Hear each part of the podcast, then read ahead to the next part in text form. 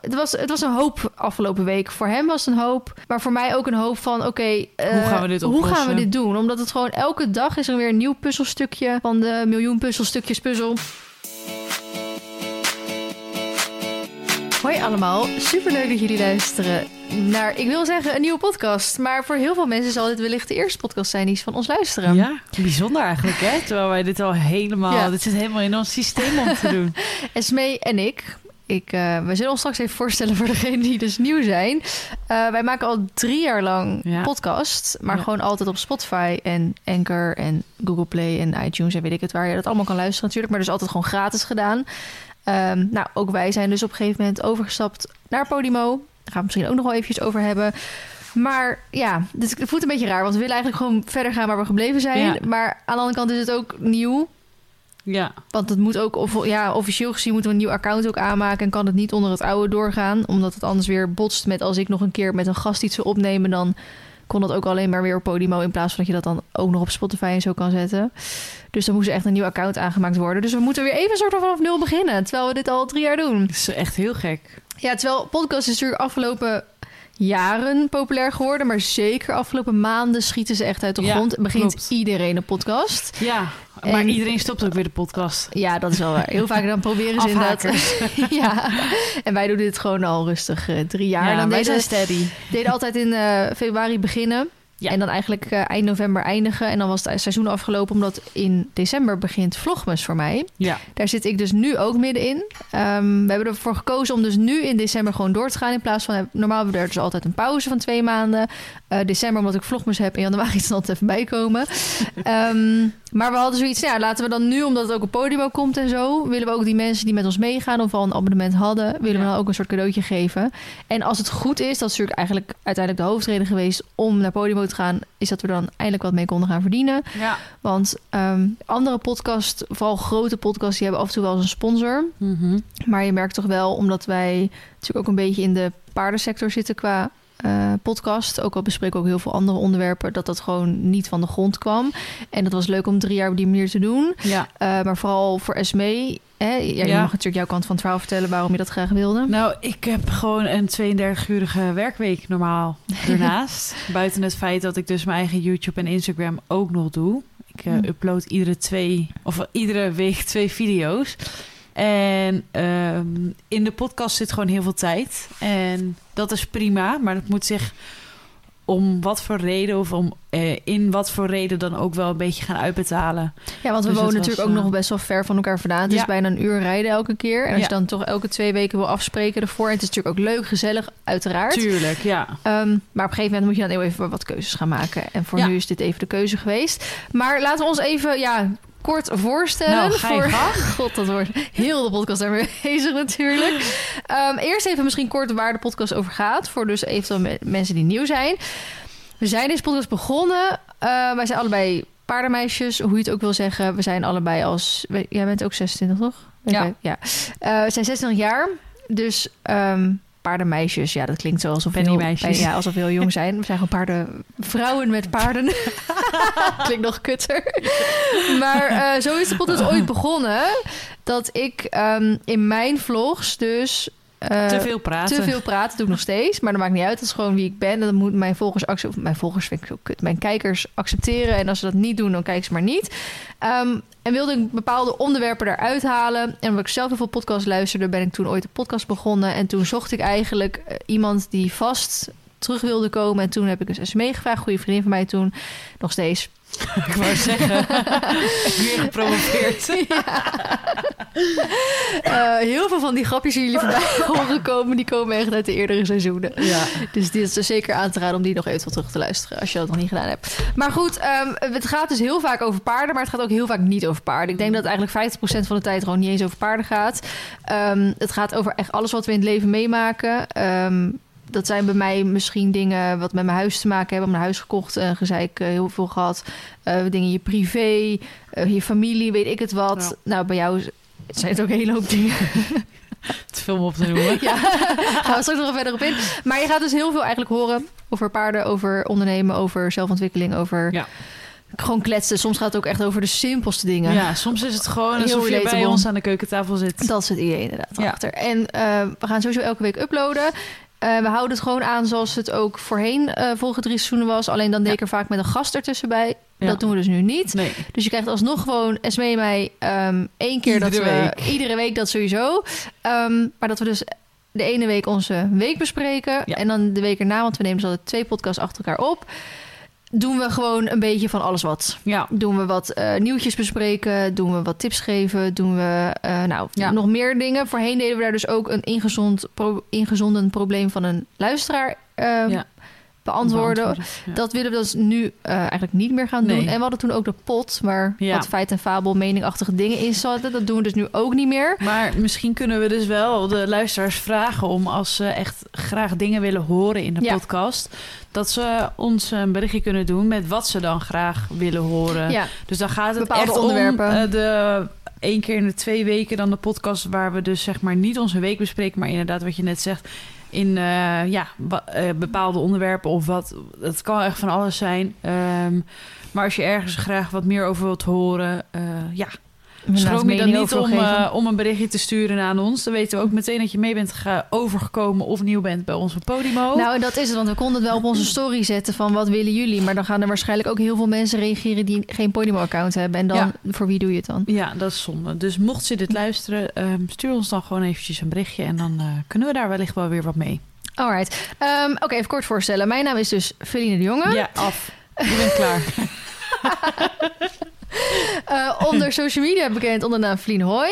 Ik raad je eigenlijk gewoon aan om de eerste paar podcasts te luisteren. Wil je echt het hele verhaal van mij kennen. Ehm 26 jaar. Ik woon samen met mijn verloofde, Sjoerd, eh, in ons eh, boerderijtje in Loenen. Onder Apeldoorn is dat. En samen met mijn schoonouders hebben we dat huis gekocht. Het is een gesplitste woning, dus we hebben wel allebei ons eigen stuk. Paardjes aan huis. Ik heb twee paarden, Marley en Nacho. En er zijn nog twee paarden van goede vriendin van mij, Carmen, bij mij thuis. En ja, ik maak eh, tussen mijn fulltime baan is eigenlijk alles met video en foto rondom de paarden. En dan voornamelijk het vastleggen eigenlijk van mijn eigen leven. Oftewel influencer, hoe je het ook wil noemen. Content creator. Hoe je het ook wil noemen. Ehm, ik maak eigenlijk gewoon sinds ik 14 ben video's met de paarden. Dat was toen een hobby. Dat is uitgegroeid naar fulltime baan. En voornamelijk dus vloggen. Nou, nu is dus vlogmas, wat ik al eerder zei. Ja. Daar gaan we het Wat straks... is vlogmes? Misschien moet je dat ook Ja, nou, ik dacht misschien kunnen we er straks nog even dieper op ingaan. Oh, is goed. Ehm, Spannend.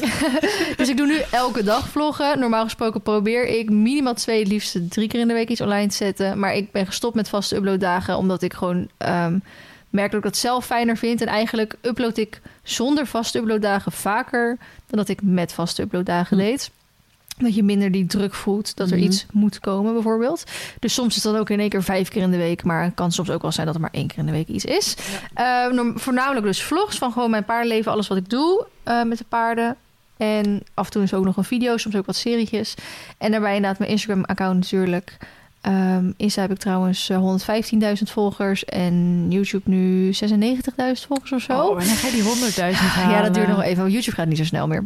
Oh, jammer. Ehm, en eh, ja, daarnaast heel veel dingen. Ik heb eigen kledinglijn, boek uitgebracht. eh doe presenteren voor eh, shows, evenementen. Heb veel ook met Marley, mijn paard, shows gegeven. Nu niet echt meer, want dat vinden we allebei niet zo leuk meer.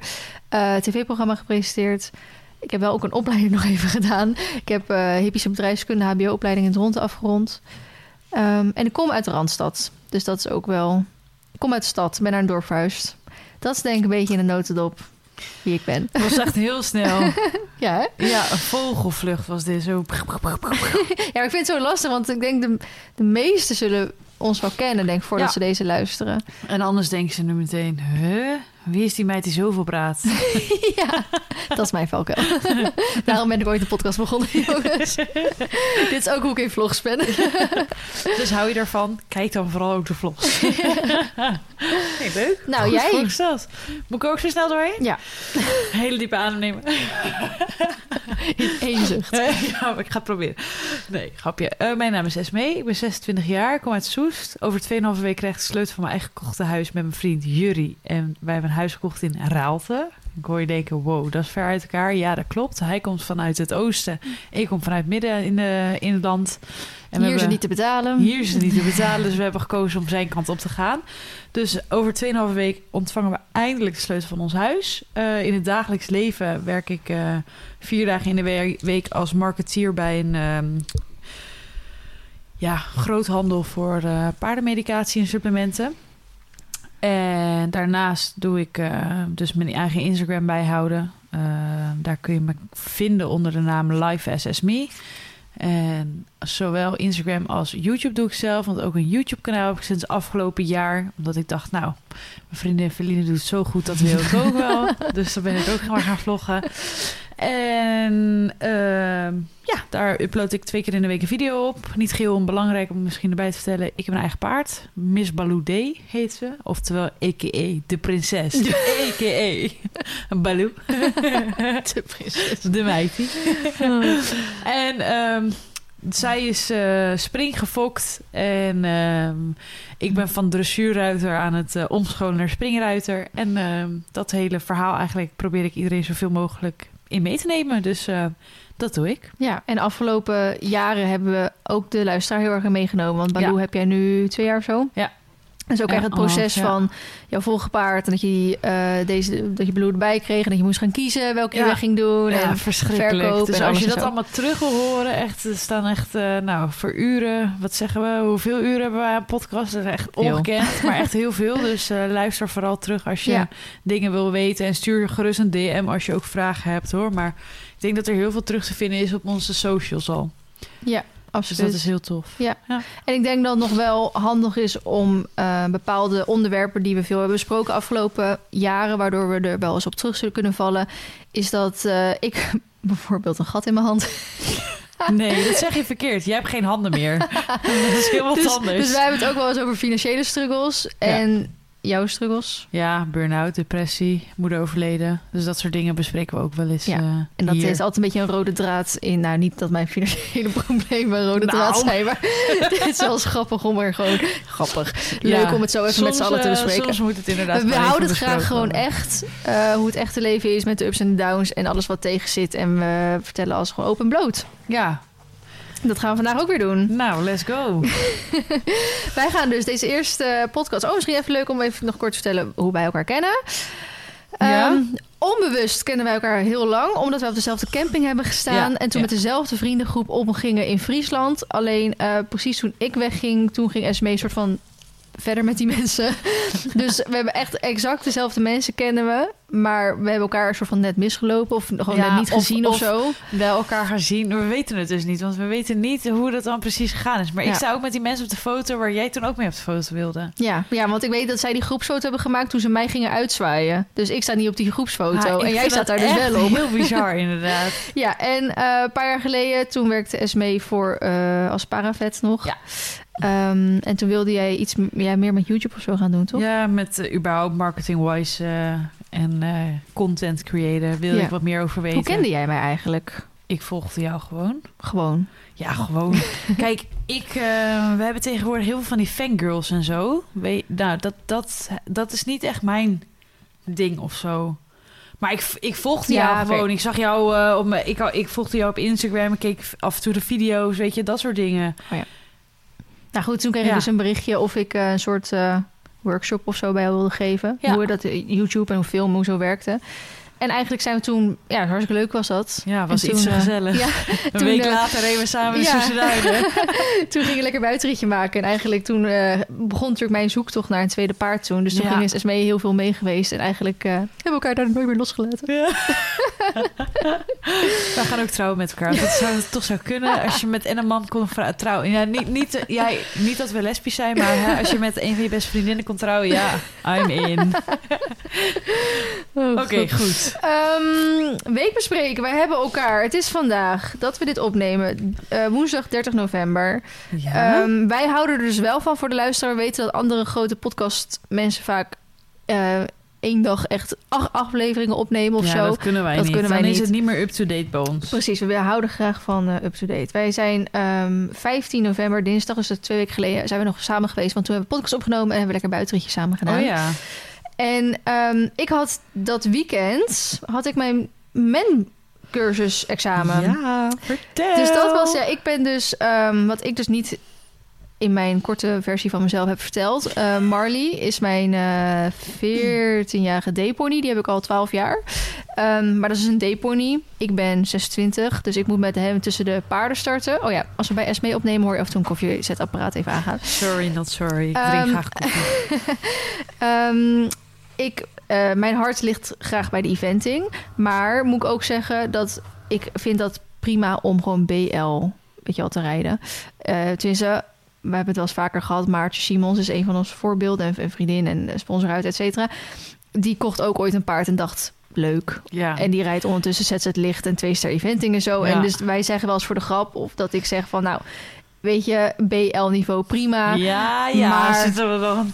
Als je dan op een gegeven moment komt, weet je natuurlijk nooit waar, hoe ver je gaat. Maar goed, ehm, ik heb een D-pony en dat is een halve fjord. Ja. Dus die is gewoon, hij is, kan best wel leuk springen, kan best wel leuk lopen. Maar niet genoeg om met de paarden mee te kunnen in de spring- of eventingsport. We zijn wel recent eh zet dressuur geworden met winst. En toen heb ik ook gezegd, dan eh, stop ik mijn startkaart en ga ik wat anders doen. Want we hebben absoluut geen plezier meer in dressuur op deze manier.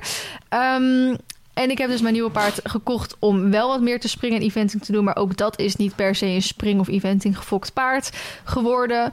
Ehm, dus ook bij hem is het gewoon, we gaan gewoon veel plezier maken en leuke dingen doen. En ook heel allround bezig zijn. En ik verwacht dat hij prima straks een B-parcours door kan komen. Dat moet vast wel lukken. En dan ben ik echt wel helemaal gelukkig dat dat kan. Eh, maar goed, omdat ik met Marley dus alles een beetje heb uitgespeeld, de dressuur heb uitgespeeld, springen en eventing kunnen we gewoon niet, ja, kunnen we gewoon niet verder in komen. Wat ik trouwens wel echt kut vind, hè? Want vroeger moest je een winstpunt in de 1 meter hebben. Mhm. En dan mocht je officieel eventing starten. En tegenwoordig een winstpunt in de 90 centimeter. En dan mag je officieel eventing starten. Maar ik heb dus gewoon wel winstpunten in de 90 centimeter gereden. Maar dat was nooit officieel. Want het was altijd BB natuurlijk. Ja. Maar dat is natuurlijk sinds een paar maanden is dat anders. Dus dat is wel kut. Want anders had ik vroeger alsnog gewoon officieel eventing kunnen starten. Maar helaas, ehm, dat ga ik dus ook niet meer doen. Eh, dus ja, voor ons is het gewoon een beetje... eh, Hij is pas 14, dus hij is hartstikke topfit. Wat gaan we dan nu doen? En ik wil van het voorjaar een nieuwe eh, serie gaan opnemen. Dat ik nieuwe disciplines ga uitproberen. Zoals working equitation. Ik heb eigenlijk alles al een keer gedaan. Ik heb al een keer working equitation met hem gedaan. Trek. Um, voltige heb ik zelfs een keer gedaan. Western heb ik gedaan. Nou, noem het maar op. Maar dan wil ik dit eigenlijk allemaal nog een paar keer proberen. Ehm, en dan echt na die serie besluiten. eh, was het doel om mij te laten lachen? Of was het... Esmee, haar vader en broertje komen voorbij. Die deden alsof ze heel zachtjes waren. Ehm, Maar dat waren ze niet. nou, op zich wel, maar ik moest er gewoon lachen om, om hoe ze voorbij liepen.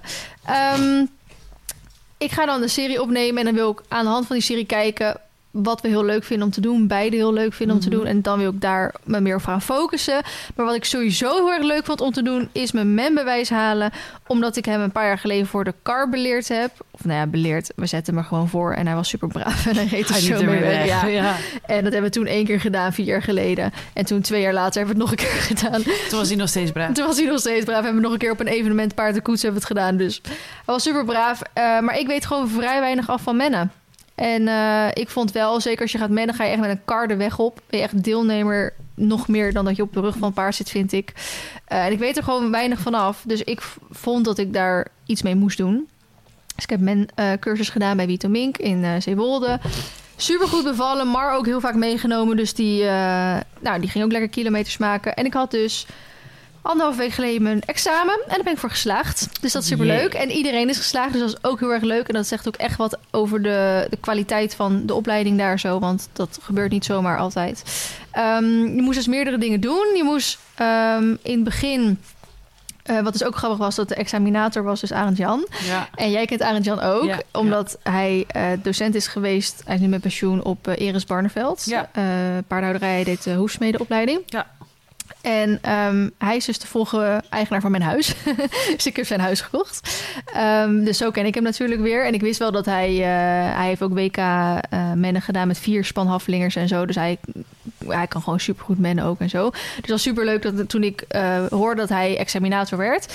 Ehm, maar dan moet je dus in het begin... ga je dus een examen rijden in Nijkerk, deden wij dat. Dus in de stad ga je echt examen rijden... Eh, het zou in de middag gaan regenen, dus we hadden besloten om in de ochtend dan het praktijkgedeelte te doen en in de middag de theorie. Mhm. En eh, dan moet je dus eh, groepjes maken. Want zo'n paard mag eigenlijk maar vier met vier studenten zeg maar een rondje doen. En we hadden zeven studenten in totaal, dus dan moesten we twee paarden natuurlijk hebben. En iedereen moest dan iets doen. Iedereen moest of in, optuigen, of inspannen, of uitspannen, of aftuigen. Dat is één van die vier dingetjes. Dus toen ging iemand anders ging optuigen. En toen zou ik dus gaan inspannen. En dat ging eigenlijk... Oh nee, wacht even, een stapje terug. Iemand anders ging optuigen. En toen op een gegeven moment alle twee die paarden dus opgetuigd waren... toen ging hij dus zo'n soort van vragenrondje doen. Even zo langs het paard lopen. Om dus even dingetjes aan te wijzen van... hoe heet dit? Eh, eh, waar is dit voor? En hoe werkt zo? En toen vroeg hij iets aan mij. En ik ben het dus nu alweer vergeten. Wat een, een bepaalde benaming had voor dat schofje. En ik dacht echt, ja, ik weet dit gewoon niet. Ik, eh, ja, geen idee. Dus toen had ik toen nog even bedacht van... oké, dat, dat heet zo. Ja, ik weet het dus nu al niet meer. Zo slecht heb ik het onthouden. Maar de volgende dag vroeg hij precies dus aan mij... hoe heet dit? En toen dacht ik echt... En toen zei ik het meteen. Iets van wi- windoog? oh, iets met oog. Ik weet het niet meer. Maar goed, ehm, dus toen zei ik het echt zo meteen. Dus liep hij ook gelijk gewoon weer door. Zo van, oké, zij weet dat, weet je wel. Dus toen dacht ik echt gelijk in de pocket. Nou, toen ging het ehm, eh, inspannen ging toen eigenlijk ook heel erg goed. Dus dat was het tweede wat heel goed ging. Toen natuurlijk ook echt eh, het praktijkgedeelte. Dus ook echt gaan mennen. Maar hij vroeg zo van, nou, wie wil er als eerste? Maar heel veel mensen willen nooit als eerste, toch? Want als je iets Ja. eh, met een examen moet doen of zo. En ik, heb heel vaak... wel hoor, dan ben je er maar ja, vanaf. dan ben je er maar vanaf. Ja. Dus, ehm, en ik vind eigenlijk het eerste stuk is heel makkelijk. Want dan moet je dus van de parkeerplaats weg richting dus het centrum. En dat is best wel een stukje nog. En dat heb je al zo vaak gereden Ja. tijdens die opleidingsdagen. Want je begint altijd vanaf die parkeerplaats. Dus dat heb je al super vaak gedaan. En eenmaal in het centrum kan die examinator in één keer hele andere straatjes ingaan. Ja. Die jouw instructeurs normaal gesproken jou insturen. Dus eigenlijk was het veel makkelijker om vanaf de parkeerplaats weg te rijden. Dus jij ging ook van start. Dus ik ging van start. Nou, en dat was natuurlijk ook heel gezellig, want we kenden elkaar, een beetje kletsen en zo. En eigenlijk alles ging heel erg goed. En ook bepaalde situaties. Hè, je wil eigenlijk normaal niet dat er gekke situaties voorkomen, Mhm. want dat is- maakt het moeilijker. Maar ik vind dat juist fijn, want dan kan je juist laten zien dat je de situatie onder controle hebt. Mhm. Dus hij had op een gegeven moment gevraagd. Hè, met mennen, dat kan je met één hand doen in Mhm. de uitgangs- of in de gebruikspositie.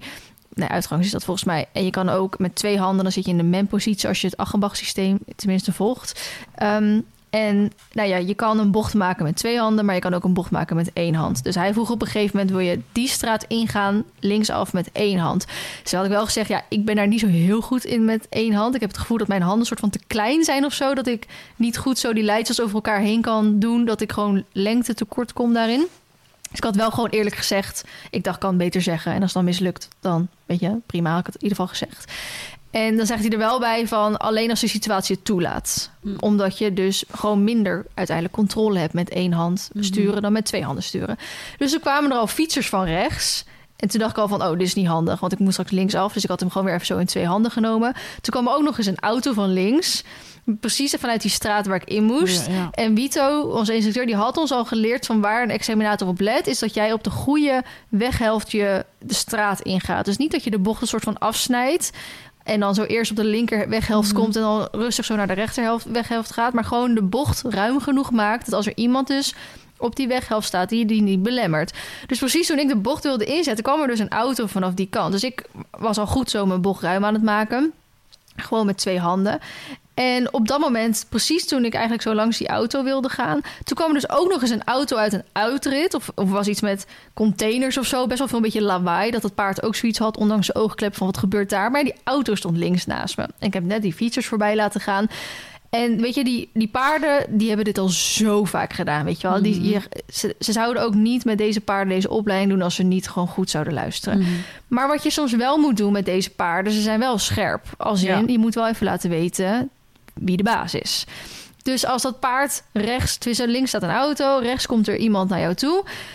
Dan moet je wel gewoon even streng zijn tegen het paard. En dan, dan niet streng als in, eh, weet ik veel, slaan of eh, dat soort gekke dingen. Maar gewoon even tegen hem zeggen van, eh, let op, weet je wel. En ook even zo met je zweep, Ja, zo'n menszweep, eh, is ja. zo heel lang. Dan even alsof je bijvoorbeeld je linkerbeen aanlegt. Dat is natuurlijk waar vaak de zweep voor gebruikt wordt. Als je op het zadel zit, kan je je been aanleggen. Eh, als je op de menwagen zit, kan dat natuurlijk niet. Dus dan doe je eigenlijk met een zweep zo even zo tikken tegen zijn linker eh, eh, buik Ja, aan. attent maken. Om- Omdat hij gewoon niet die kant op moet gaan, want er zat daar een auto. Ehm, dus dan moet je het even zo oplossen, weet je wel. En dan nou, konden we daarna, was de situatie over en konden we gewoon weer doorgaan. Dus toen dacht ik echt van, dit heb ik in de pocket, weet je wel. Dit heb ik goed opgelost. Mm. nou, toen moest ik bij een, een straat later dus alsnog met mijn linkerhand sturen. Was niet, ging wel prima, niet fantastisch. En dan moet je nog altijd even een linksomkeert maken. En dat had ik toen ook gedaan. En toen zei hij wel van, nou, zeg, zet hem maar ergens stil. En dan is de volgende. Dus toen dacht ik echt, dit heb ik gewoon gefixt. Dit kan niet dat hij mij hier laat zakken. Dus toen uh, nou, ging de andere natuurlijk. En um, daarna gingen we dan terug naar die stal en hebben theorie-examen gedaan. En van de 35 vragen mag je er zeven fout hebben. En ik had er vier fout. En dat vond ik best wel veel van mezelf. En ik weet ook, je krijgt ook niet te horen welke je daarna fout had of zo. Vond ik wel jammer, had ik wel willen weten. Uh, maar ik vond het een beetje, ik vond het soort van veel fout, omdat ik wel ik wil het dan nul hebben ja, eigenlijk, weet ja, je wel. Of 35, 35. Ja, precies. Maar ik had dus... Uh, je krijgt zo'n zo'n men-examen boekje die je kan doorlezen. En eigenlijk die je gewoon zou moeten leren. En die hebben we ook de eerste dagen hebben we ook echt die theorieavonden gedaan. Maar ik had zoiets van, ja, alle informatie die ik vanuit de cursus zelf en de praktijk en weet je dat soort dingen, dat is toch, dat is toch wel genoeg, dacht ik. En uh, ze hadden ook tijdens die theorieavonden wel gezegd van, nou, hier moet je even uitroepteken bij zetten, want dit is altijd een vraag die je op het theorie-examen krijgt.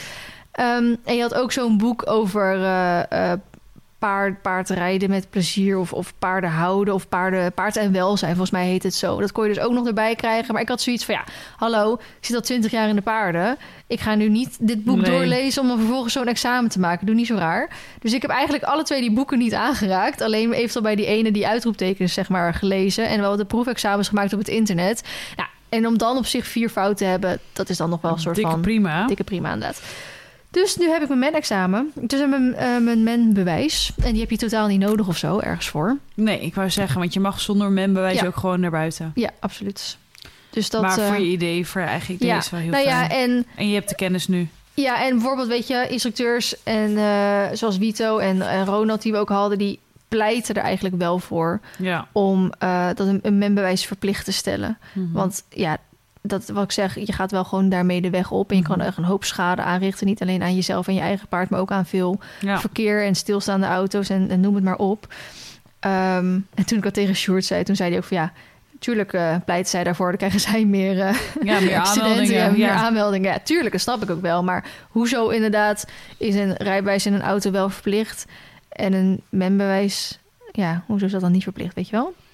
Ja, maar we hebben als we erop zitten ook niet een... eh, eh, Nee. Ja, dan heb je een ruiterbewijs, maar dat heb je Ja, ook dat- niet dat per se niet nodig. Nou, ik Nee. heb die ook niet. Nee, ik ook niet. Ik heb hem ook niet.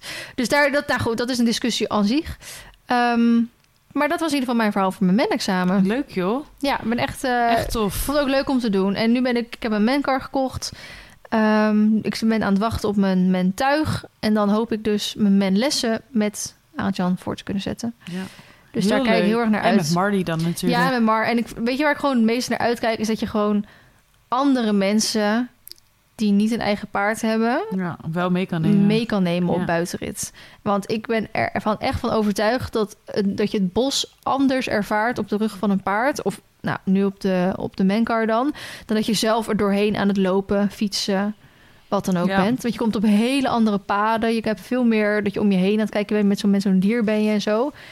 Eh, en dat kan natuurlijk normaal gesproken alleen als je iemand hebt die ook een eigen paard heeft... waar je dan Mhm. samen mee op buitenrit kan gaan. Ehm, maar nu kan het bijvoorbeeld ook met Sjoerd straks... of met mijn familie of zo. Weet je, dat ik mijn ouders een keer kan meenemen. Ja. Dat lijkt me gewoon echt super leuk op die manier dan hun mee te kunnen. En dat is eigenlijk voor mij de grootste reden om, hem, eh, om dit door eh, te zetten. Heel leuk. Ja. Nou, ik ben benieuwd wanneer ik de uitnodiging krijg. ik ben benieuwd wanneer ik mijn mentuig krijg. Volgens mij, ik heb echt het idee dat ik het van een of andere shady website heb gekocht... omdat het veel goedkoper was op andere websites. AliExpress. dus ik ben heel erg benieuwd of ik het ga winnen. Oh my god. Nou, Ja, het scheelt echt 120 euro. Hallo. Dat is wel veel, ja. Ja, mijn mentuig is gewoon 900 euro, hè? Echt? Ja. Jeetje, Mina. Ja, daar had ik me ook even op gekeken. Want ik, ik, als ik ergens ging zoeken op Mentech, kwam ik op 600 euro steeds uit. Maar dat is vanaf prijs. Dus 600 euro is voor een Shetlander. Dus voor een maat kop betaal je gewoon 920 euro of zo nu. En ik heb hem dan nu voor 800 nog wat gekocht. Maar omdat hij waarschijnlijk die prijzen nog niet had doorgevoerd... na de inflatie en de corona, weet ik veel wat. Mijn god. Dus daarom hoop ik dat ik straks gewoon mijn Mentech krijg... en niet dat ik een bericht krijg... oh, de prijzen kloppen niet meer, wil je nog even dit? Ja. Dat ik hem überhaupt helemaal niet krijg. Spannend. Dus dat. To be continued. Wil jij nu eerst weer wat vertellen? Of zou ik verder gaan? Nou, ik ga maar eerst wel wat even vertellen. Ja. want dat weekend, laten we het dan een beetje op, op de weekenden... Hoe, wat jij nu net vertelde, dat je toen de... Had je je men eh, Ja. eh, cursus. Ja, Ik heb eh, zondag 20 november was dat. Jij had dus 19 november had je examen. Ja, nee, 20 heb ik. Oh, wel ook ja, 20. Ja, ja, ja. Oh. Nou, ik had 20 november een dressuurwedstrijd op de planning staan. En eh, ik, ik kon me bijna niet meer heugen wanneer ik voor het laatst een dressuurproefje gereden had. Eigenlijk echt schandalig, want ik had me voorgenomen om het dressuur en het springen een beetje af te wisselen. Maar eigenlijk hebben we van de zomer helemaal niet gestart, zowel dressuurmatig als eh concoursen niet. En ehm, nu vond ik het toch wel fijn om nog een keer op, op wedstrijd te gaan. Ook met het idee vanaf 16 december krijgen we dus de sleutel van ons nieuwe huis. Nou, dan gaan we natuurlijk klussen. En dan eind januari ga ik Baloo verhuizen. Ja, persoonlijk denk ik niet dat er ruimte is in de tijd van de verhuizing en alles. eh, om dan ook nog op wedstrijd te gaan. Dus ik dacht eigenlijk van, nou, dan kan ze dan weer een soort van stop hebben. Een, een, een winterstop of zo. Maar ja, dan wil ik daarvoor wel eventjes nog wat wedstrijden gereden hebben. Want ik vind het ook zo saai om anders ja, dat mis te lopen of zo. En voor mezelf had ik een paar doelen gesteld dit jaar. Dat was een B-debuut springen. Dus dat, is, eh, dat heet tegenwoordig geen B meer, maar 100 centimeter springen. Ja, meter, ja. En ehm, ik had het heel mooi gevonden om de B-dressuur nog uit te rijden dit jaar. Want dan zou ik dat allemaal in een jaar gedaan hebben, allebei. Tenminste, eigenlijk in een... De ene gestart en de ander geëindigd. Eh, De B springen gestart. Ja, precies. En de B ja, uitgereden ja, schijnt. Maar Ja. ja. inderdaad. Ik moet voor dressuren moest ik eh, nog vier punten hebben. Nou, en ik heb geen dressuurpaard. Dus ik dacht van, nou, als ik nu vier punten in, in, zeg maar, in één wedstrijd haal, dan, eh, ja, dan, dan, dan weet ik niet of dat het helemaal goed gaat. Maar ik, ik, ik zag het niet gebeuren dat ik, eh, dat ik dat ging halen. Ik was überhaupt blij als ik eh, winst zou rijden. Omdat het dressuren de laatste weken niet fantastisch gaat. Het is oké, maar het is niet dat ik denk... nou, ik rij echt de sterren van de hemel af. Nee, dat had ik juist met springen. Dat gaat heel veel beter. Maar met het dressuren liep ik, loop ik nog steeds een beetje vast. En ehm, ja, vinden we, eh, is pittig. Heb ik moeite mee. Met het paard wat ik nu heb, denk ik af en toe van... jezus man, wat is het allemaal lastig. dus eh, op dressuurwedstrijd gegaan... Nou, dat zou jij ook wel hebben gemerkt. Het regende. En niet zo'n klein beetje ook. Oh het kwam met bakken uit dat de weekend hemel. was echt vreselijk. Ja, wij moesten buiten inrijden en binnen dan die ik, proeven zo, starten. ik, ik zoek echt mijn wedstrijden daarop uit in de winter. Hoor. Dat ik gewoon op twee plekken gewoon Oh, los kan rijden en de proef in binnen gewoon kan rijden. Echt niet oké. Dus buiten zeiknat geregend. Dat je zo'n witte rijbroek aan hebt. Dat je gewoon niet eens meer ziet dat die wit is. Maar dat de huidskleur er gewoon doorheen komt, weet je wel. Zo doorweekt. En dan heb je dus je winterjas aan over je jasje. Maar ja, die winterjas moet uit zodra je dan op een gegeven moment ergens die ring in gaat. Ja, heb je het gewoon koud. Ja. Ik ben echt zo'n kouklen. Denk ik, ik wil naar huis toe. aan de ene kant had ik ook gewoon... Wie zei ook weer dat dit leuk Ja. was? Paardrijden is leuk, paardrijden is leuk, paardrijden is leuk. Zat ik dat zo. Maar eigenlijk had ik gehoopt dat de wedstrijd niet doorging, weet je wel. Ja, dat hij afgelast werd. Want het, het set was dus afgelast die ochtend Mm. vanwege de vorst. Oh ja, ja. En toen dacht ik, oh, misschien dat- je las dat ook allemaal af, weet Ja. je wel. Dat zou dan... Ja, Maar, je ik dat wil ook zelf niet, Nee, dat, ik kan dat niet. nee hè? dan moet je ook gewoon je ik, inschrijfgeld dan moet ik betalen. mezelf vermannen en hup, eh, dan moeten we dat even doen. Nou, wel goed dat jij dat doet, want ik zeg dan altijd gewoon, nou, ik ga niet. Nee, ik kan dat echt niet. Eén, ik vind het super zonde van het geld. Ja, want je wel. betaalt gewoon 28 Nou, euro dat slaat voor echt twee nergens op. proefjes. Dat Wat slaat- helemaal nergens op slaat. Nee. En twee, ik, ik train ergens voor. Dus ik heb die hele week getraind voor het dressuur. Dan probeer ik daar ook echt doelgericht voor te trainen, weet je. Ja, Dan heb ik daarvoor dressuurles en dat soort dingen. En dan denk ik, ja, als ik, dat vind ik zonde. ja snap ik. Dus dat, dat, dat kan ik nooit. Maar wij dus op dressuurwedstrijd. Dus in de trailer had Rosaline al opgezadeld. Want die zei, ja, het is allemaal koud en nat en kut. Toen zei ik, ja, dat is het zeker. En toen ging ik losrijden. En Baloo dacht eerst ook, oh, regen, weet je wel. Die houdt daar ook niet zo heel erg van. Ze is echt een prinses wat dat betreft. Maar eh, ik- er was een hele grote losrijbaan. Dus ik kon echt even lekker een beetje langere, langere lijnen rijden. En ze was heel chill, ze liet wat beter los. Was echt fijn op twee teugels te rijden. Niet dat ik dacht van nou, ik zit aan een betonblok eh, te, te, te, te hangen. Nee, het was echt top. Dus ik dacht nou, dit gaan we even doen. Side note, ehm, op deze gelegenheid waar ik gestart ben, ben ik met mijn vorige paard Isa ook een paar keer gestart. Nou, daar heb ik nog net niet af moeten groeten, want was kwam het? ik achterstevoren de baan door, bij de Kamphorst in Hilversum. Maar daar ben ik nog nooit geweest. Mm, Ben je daar niet met mij mee geweest? Nee, die naam zegt maar helemaal Oh. niks. Dat is, eh, dat is, nee, je begint dan bij de eerste buitenbaan, of eh, eerste binnenbaan. En die is heel donker. Oh, ze hebben wel twee binnenbanen. Ja. Nou, wat een onzin dan dat ze doen buiten losrijden. Ja, goed luisteren. Ze hebben twee binnenbanen. Die ene, ehm, het, het is ook nog een fun fact. Als je daar in de zomer start, dan komen de vliegtuigen langs je heen. Want die dalen echt, nou, Oh, echt leuk. 100 meter verderop. Dus het is wel altijd een plek waar heel veel te zien is. Nou, dat vond mijn vorige merrie Isa dus ook, want ik kwam daar echt nooit rond. En Elin, dat is de huidige eigenaresse van mijn vorige paard, die zegt ook, ja, dit is altijd drama met Isa. Die vindt alles hier eng. Ik zeg, ja, maar ik snap het ook wel, want er is heel veel te zien. Hmm. Maar die eerste binnenbak is dan wat donker en zo. En daar zaten dus bij die... eh, bij Was de... die wel 2040? Want Ja. op, de, op die video leek het echt alsof die kleiner was. Nee, ik denk dat die wel 2040 Oké. is. Maar aan de achterkant, bij de A, zaten nog van die duiven, weet je wel. Hmm. En die kan je dan niet zien, maar die kan je wel zo horen. En die hoor je dan een beetje tikken zo. En ik dacht echt, nou, daar gaan we hoor, dacht ik, weet je wel. Ik denk, gezel. Leuk, joh. Maar eigenlijk, want ik kwam daar die baan binnen en ik voelde dat ze spanning opbouwden. En ik dacht, oh wacht, dit gaat me niet gebeuren. Ik ga niet met zoveel spanning die proef starten. Dus ik ben gewoon hup vooruit gaan rijden. Dus niet blijven stappen, maar gewoon aangedraafd. En eventjes wel gewoon consequent van... hé, hey, luister, er is niks aan de hand. Je kan gewoon je ding doen. Want als ik dan meega in haar spelletje... Mhm. en alleen maar ho braaf, ho braaf ga roepen... dan denkt ze, ja, dan vind ik alles eng.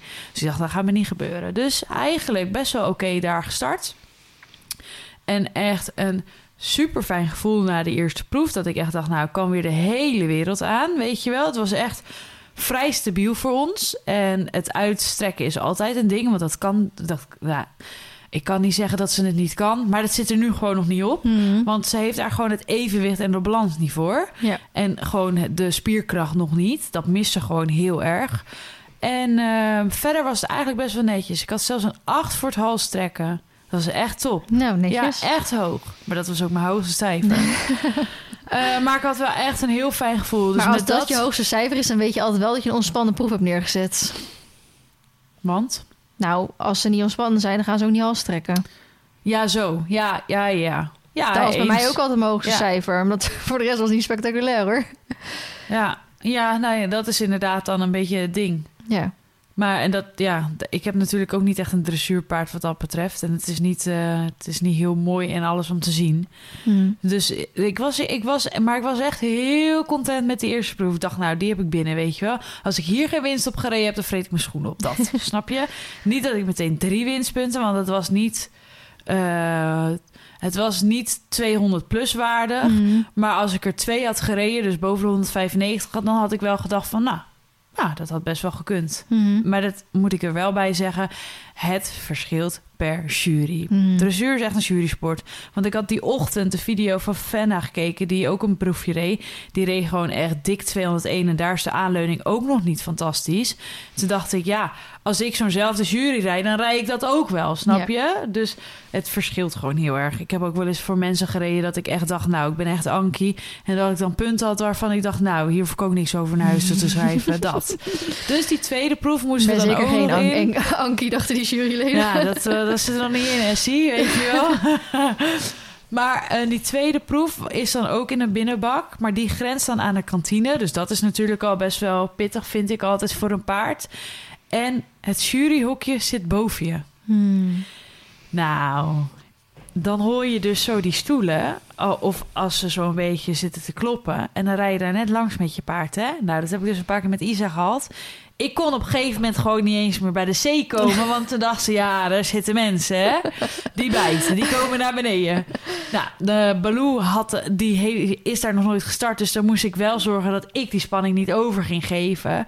Maar Baloo vond het wel heel spannend dat ze die kantine in kon kijken.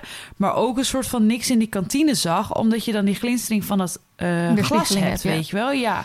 Dus ze vond dat, ja, vond ze spannend. Mhm. En ik had hier veel minder tijd om meteen... eh, ik moest niet losrijden. Het was gewoon, ja, je mag beginnen, punt, weet je wel. Dan had ik net Oh. een halve volte gereden. Het stond. Hup, bam, moest ik starten. Dus ik had niet de tijd gehad om er eventjes overal te laten kijken. Dus ik begon de proef al met meer spanning. Een tipje van mij.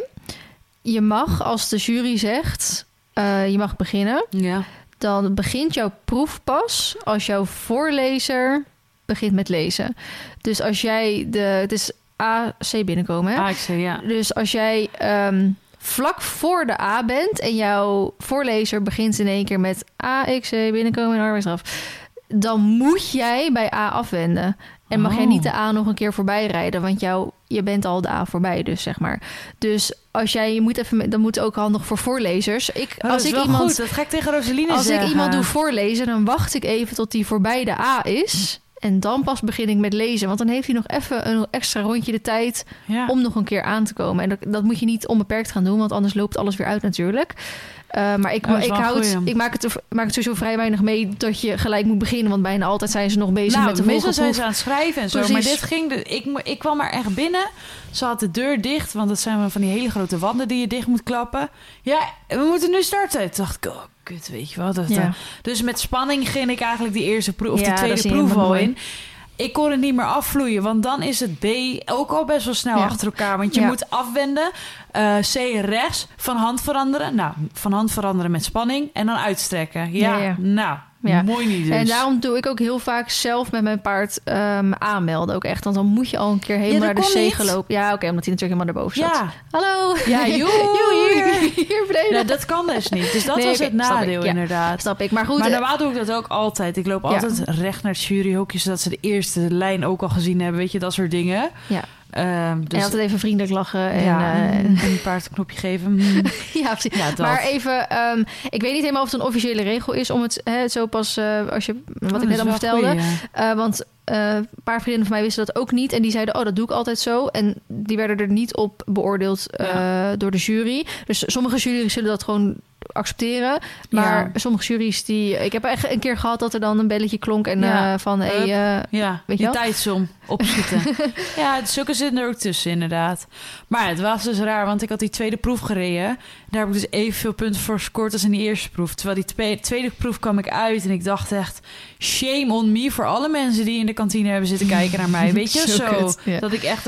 En later keek die proef terug. Het viel ook allemaal wel mee.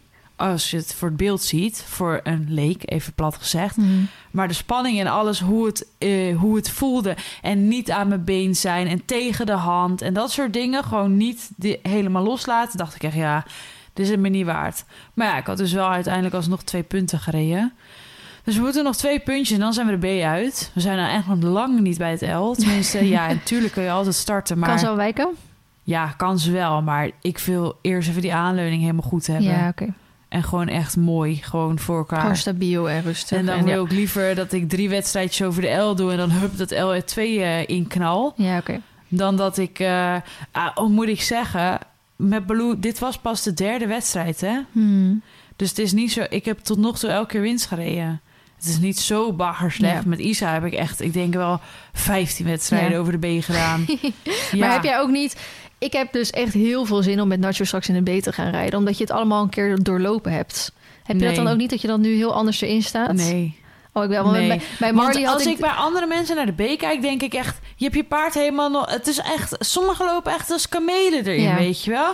denk ik, hoe kan je hier nou... Soms hoe zit ik nu nou? op Nacho en die is nog helemaal niet... eh, nee, maar dan denk je wel... Oh, hier kan ik wel van hier kan je theorie gewoon een B-proef mee rijden. Ja. Maar dat maar zou ik niet willen. heb ik dan juries en dan denk ik... Ja, maar dit is niet eerlijk. Nee, dat was als een selectiewedstrijd is. Ja, precies. En dat Ja. vind ik wel... Soms vind ik dat wel storend. Dan, dan denk ik, ja... We hebben het over de B, hè? De B staat voor beginner. Basisbegin. basis beginnen. maar dus ik, ik weet niet. Ik, en ik vind het sowieso lastig nu ik veel meer met springen bezig ben en zo. Springen is in de B ook jury sport. Maar daarna is het gewoon binnen de tijd en geen balken. Ja. Punt. Ja. Heel simpel.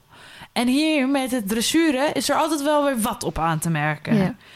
En dat vind ik gewoon stom. Ik vind dat wel spannend met Nacho, want daar kom ik straks nog wel even op. Maar ik wil hem nu heel, heel graag op de ontspanning gaan rijden. Mm. En dan is het gewoon niet heel spectaculair meer. Dat is gewoon Nee. zo.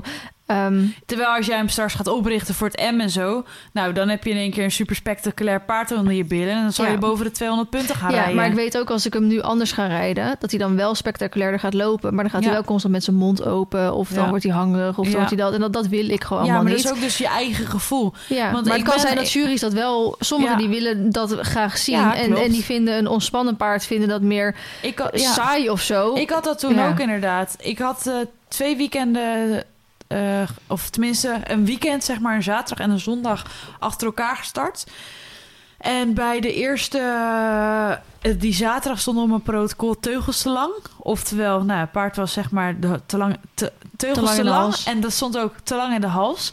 Dus de tweede dag zei ik, oké, ik ga nu gewoon eens opgericht rijden. Niet dat mijn paard da- dat. Dus even voor de duidelijkheid. Dan lopen ze, tenminste die van mij, liep niet meer over de rug heen. Kijk, als Mhm. je straks het M helemaal klaar hebt en zo, maar toen was ze vier. Dan gebruiken ze die rug helemaal nog niet goed genoeg. En dan lopen ze echt niet op vier benen. En dan, Ja. Maar dan is het gewoon het houdingje. Ja, Nou, daar had ik gewoon bijna echt veel hogere punten mee. ja, ja. ja en dan denk ik, dit kan toch eigenlijk niet? Nee, ik merk wel dus dat, dat het, vind ik heel stom. het is wel steeds meer dat mensen, dat juries gelukkig op de ontspanning gaan punten. Maar ja. het is nog eh, een hoop te, te halen. Het is heel verschillend. Ja, Ja. dus, eh, maar ik had in ieder geval weer twee puntjes erbij. Dus dat vond ik echt wel heel relaxed. Ehm, kijk, ik zou het liefste, want er is dus overal kerstconcours en zo. Hmm. En iedereen zei ook, dan ga je toch gewoon nog even twee dagen concours knallen. Dus nooit als je na dag 1 de B hebt gehaald, dan kun je de tweede dag meteen L1 starten. Toen dacht ik, ho even. Rustig. Rustig. Maar misschien, kijk, want ik heb dus die hele vakantie vrijgehouden voor het klussen. Maar misschien als we gewoon op schema lopen of even niks te klussen hebben, dat ik dan alsnog last minute eventjes op wedstrijd ga Hmm. om alsnog die laatste punten te halen. Want dan denk ik, ja, ik vind dat wel een mooi doel. Ik wilde eigenlijk dit jaar gewoon de B uit zijn. Maar kijk, aan de ene kant snap ik je doel van dit jaar nog een B uit zijn. Maar ben je niet bang als eh, ze dan nu heel even een soort van wedstrijdpauze krijgt om even voor jou eh, vakantie en, en, en huisklussen?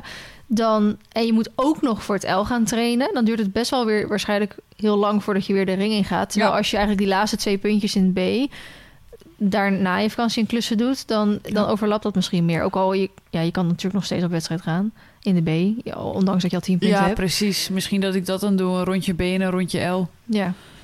En ik weet sowieso niet, volgens mij, ik ga bij een vereniging, heb ik me ingeschreven. Dus dan heb je ook gewoon eh, wedstrijden en zo. Hmm. Ik denk dat ik dan eh, in februari gewoon weer de wedstrijden oppak. Ja. Ik ja, denk daar nooit zo moeilijk over na. Het is niet dat we een zetproef moeten rijden, hè? Hmm. Dat denk ik dan ook weer. Dan denk ik, ja, kom wel goed. Ik heb het wilde plan om met Nature selecties in het outdoor Ja, seizoen te ik gaan vind dat geen wild plan. dat weet je. Ja, ligt er een beetje aan Maar dat die, ligt eh, aan jouw eigen mindset. Als je er 100% voor gaat, gaat dat prima lukken. Maar Ja, als je maar- maar half, of als je te veel meningen krijgt en mensen zeggen, ah, dat moet je niet doen. Nee, maar dat krijg ik niet, want dat boeit me niet wat mensen zeggen. Maar ik ben nu nog heel erg aan het puzzelen met... hoe ga ik hem daar krijgen? Want ik ben nog heel erg aan het puzzelen met... welke Ja. opleiding is voor hem geschikt. Ja, Want ik merk gewoon bepaalde dingen die ik afgelopen tijd gebruikt heb... omdat dat bij Marley bijvoorbeeld werkte. ja. Dat werkt gewoon niet bij hem. nee. En dat is voor mij nu van, oké, wil ik dat doorzetten? Maar hij geeft aan dat hij dat helemaal niet fijn vindt. Maar eh, hoort dat er even een soort van bij? Moet je daar dan even doorheen? Of moet Ja. ik gewoon echt naar hem luisteren van, hij vindt dat niet fijn, dus we gaan iets anders doen? Ja.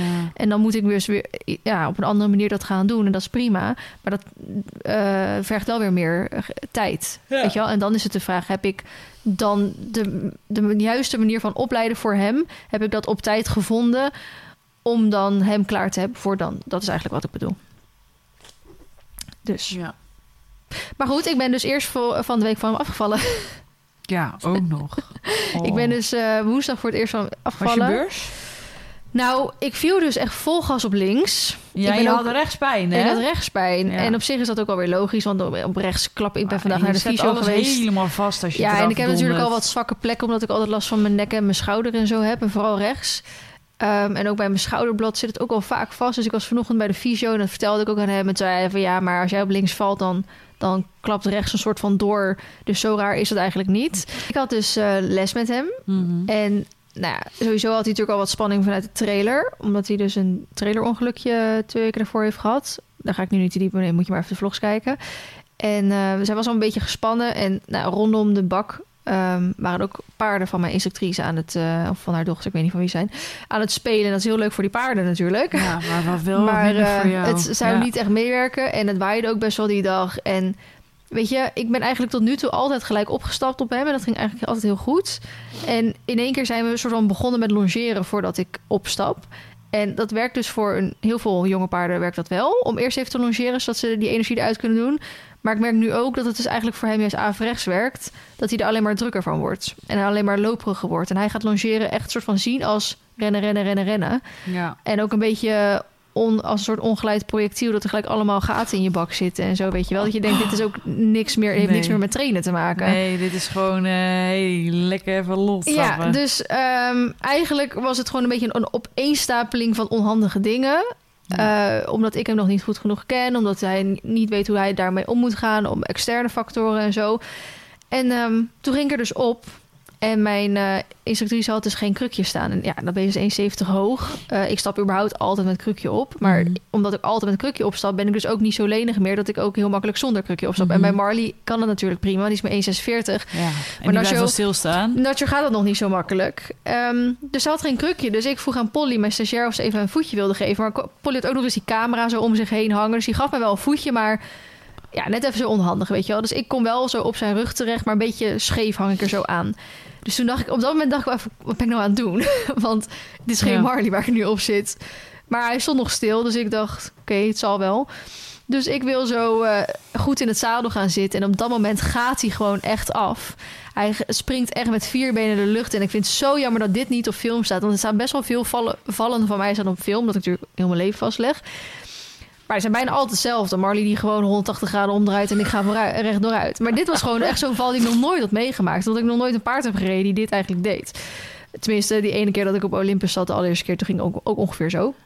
Dat is gewoon echt... flink door ja, lucht. ook- eigenlijk was dit best wel redelijk hetzelfde. Oh, god. Dat hij dus gewoon met vier in de lucht, echt bokken, echt rodeo zo, eh, ging. En ik, maar ik had mijn beugels nog niet in, ik zat scheef op het zadel, ik had mijn teugels nog half vast. Ja. Dus ik dacht ook, dit is onbegonnen zaak, weet je wel, dit heeft gewoon geen zin. Dus ik had ook zoiets van, nou, ik val waarschijnlijk binnenkort en ik laat het me ook maar gewoon gebeuren, want het heeft gewoon geen zin om hier op te blijven zitten. Dus ik lag echt binnen twee meter lag ik er vanaf, dus ik viel ook vol gas op mijn linkerkant. En nou, ik had zich ja, nergens last van als in eh, niks gebroken of gekneusd of zo, waardoor je dan wel weer gewoon zo ook met de adrenaline zo opstaat. En ik kijk zo omhoog en ik zie Nacho echt gewoon nog steeds rodeo gewoon door die bak heen gaan. Maar ja, die teugels zie ik ook steeds verder naar de grond zakken. Ja. Dus toen dacht ik echt kut, straks gaat hij ook nog in die teugels staan. En dan, eh, hij is echt wel zo'n typetje die daar dan natuurlijk helemaal lijp van wordt. Ja. Nou, dan zijn straks mijn teugels kapot of mijn, of mijn hoofdstel kapot of eh, hij is kapot. Dus ik snel opstappen of opstaan en naar hem toe lopen. Teugels over zijn hoofd heen doen. Dus toen zei mijn instructrice natuurlijk, nou dat is vroeg goed met me ging. Van, nou, misschien moet je hem nog even iets langer longeren. Maar het probleem is, als ik hem zo laat razen aan die longeerlijn. Nou, denkt hij dat het onder het zadel ook mag. Nou, nee, dat eigenlijk niet. Maar hij wordt. Hij gaat gewoon zo hard lopen dat hij er ook echt eh, fysiek moe van wordt. Ja. Omdat hij het idee heeft dat hij dan die energie eruit moet rennen. Ja. Maar als ik hem dus zo longeer, dan heeft hij ten eerste die heel hoog in zijn spanning. En als ik hem net zo lang laat rennen totdat hij die spanning dus inderdaad echt kwijt is, heb ik er gewoon niks meer aan. Want dan is hij gewoon echt moe. Staat hij echt te puffen, te zweten, te doen. En dan ja, moet je dan nog een les erop gaan rijden. Ja. Dus, ehm, nou goed, nog even gelongeerd. Toen even op de stenen opgestapt. En dat eh, wel, wel met krukje, want dan kon ze in één keer wel ergens een krukje vandaan halen. Nu echt, iemand zei ook van... dit is nu een goede les om voortaan een krukje in je, in je, in Ja. je trailer eh, Dat is echt te hebben. belangrijk Toen hoor. dacht ik in één keer, paarden. inderdaad, waarom ben ik er nooit eerder op gekomen?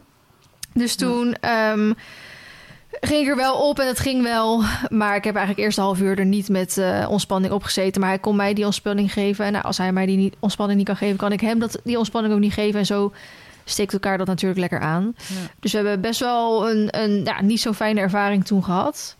En eh, toen ging ik hem donderdag longeren en vrijdag weer rijden. Eh, eigenlijk ging dat toen wel weer gelijk heel goed. Zonder, zonder te longeren heb ik hem gereden. Want ik Ja. dacht, ik, toen had ik al zoiets van... volgens mij ligt het ook wel een beetje daaraan.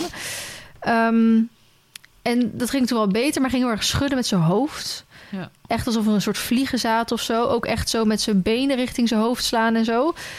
Dus ehm, dat vond ik opvallend. En ik heb heel erg het idee dat dat vanuit zijn atlas of zo komt. Alsof als hij, als hij dan te veel druk achter zijn oren voelt...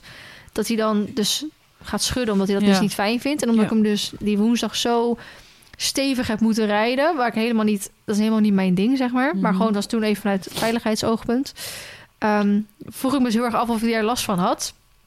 En op zaterdag ging ik dan op buitenrit. En dan rij je natuurlijk heel anders dan dat je in de bak rijdt. En Ja. toen was hij eigenlijk heel braaf. Hij doet ook niet meer bokken in galop op buitenrit. Vind ik ook heel fijn. Ehm, maar wat hij wel was, was dat hij echt kapot was gewoon. Hij was echt moe. Ik kon hem echt na... Dat rondje is 6 kilometer. Ik kon hem na 4 kilometer kon ik hem wel opvegen. Ja. Zo moe was hij. En ik heb zelfs de laatste kilometer heb ik gewoon ernaast gelopen.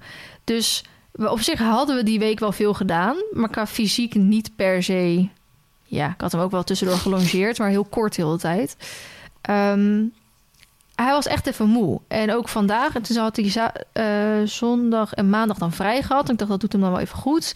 Gisteren gelongeerd. En dan merk je dus weer precies hetzelfde. Dat hij in het begin alleen maar aan het rennen is aan die longeerlijn. Ja, Dat ik echt denk, wat ben je nou allemaal Ja. aan het doen? En toen heb ik echt eventjes hem weer bij me gehaald. En toen gedacht, oké, nu gaan we gewoon voor ontspanning longeren. Dus ook even iets korter, weet je wel. Iets korter lijntje in plaats van zo'n grote volte. Ook zelf ook meer helpen van om in balans te laten lopen. Toen ging hij ook echt wel een paar keer ook in draf zakken met zijn hoofd. Weet je wel, dat vindt hij echt super moeilijk. Ja. Ehm, toen hebben we heel fijn kunnen longeren. Nou, vandaag er dan op. En toen was hij ook wel weer super braaf. Niet meer schudden met zijn hoofd. Wel een beetje een, eh een vast-losverbinding qua aanleuning. Ja. Maar dat verbeterde ook wel weer aan het einde. Maar ook wel weer dat hij echt wel moe was aan het einde. Dus ik denk oprecht dat het even een grote rode vlag is geweest vorige week. Dat hij even een soort druppel die de emmer deed overlopen. Dat het even te veel was. Vooral qua indrukken en spanning en, en opstapeling en zo. En dat die rodeo echt even zo'n ding was dat het er even uitkwam. En dat dat hem toch zo mentaal, denk ik, heeft geraakt. Dat hij daar gewoon echt moe van is. Ja. Ehm, dus we gaan even lekker rustig aandoen komende tijd. Ik heb morgen schriktraining met hem, want ik wil hem wel leren om met die spanning om te gaan en hoe hij dat eh, moet doen.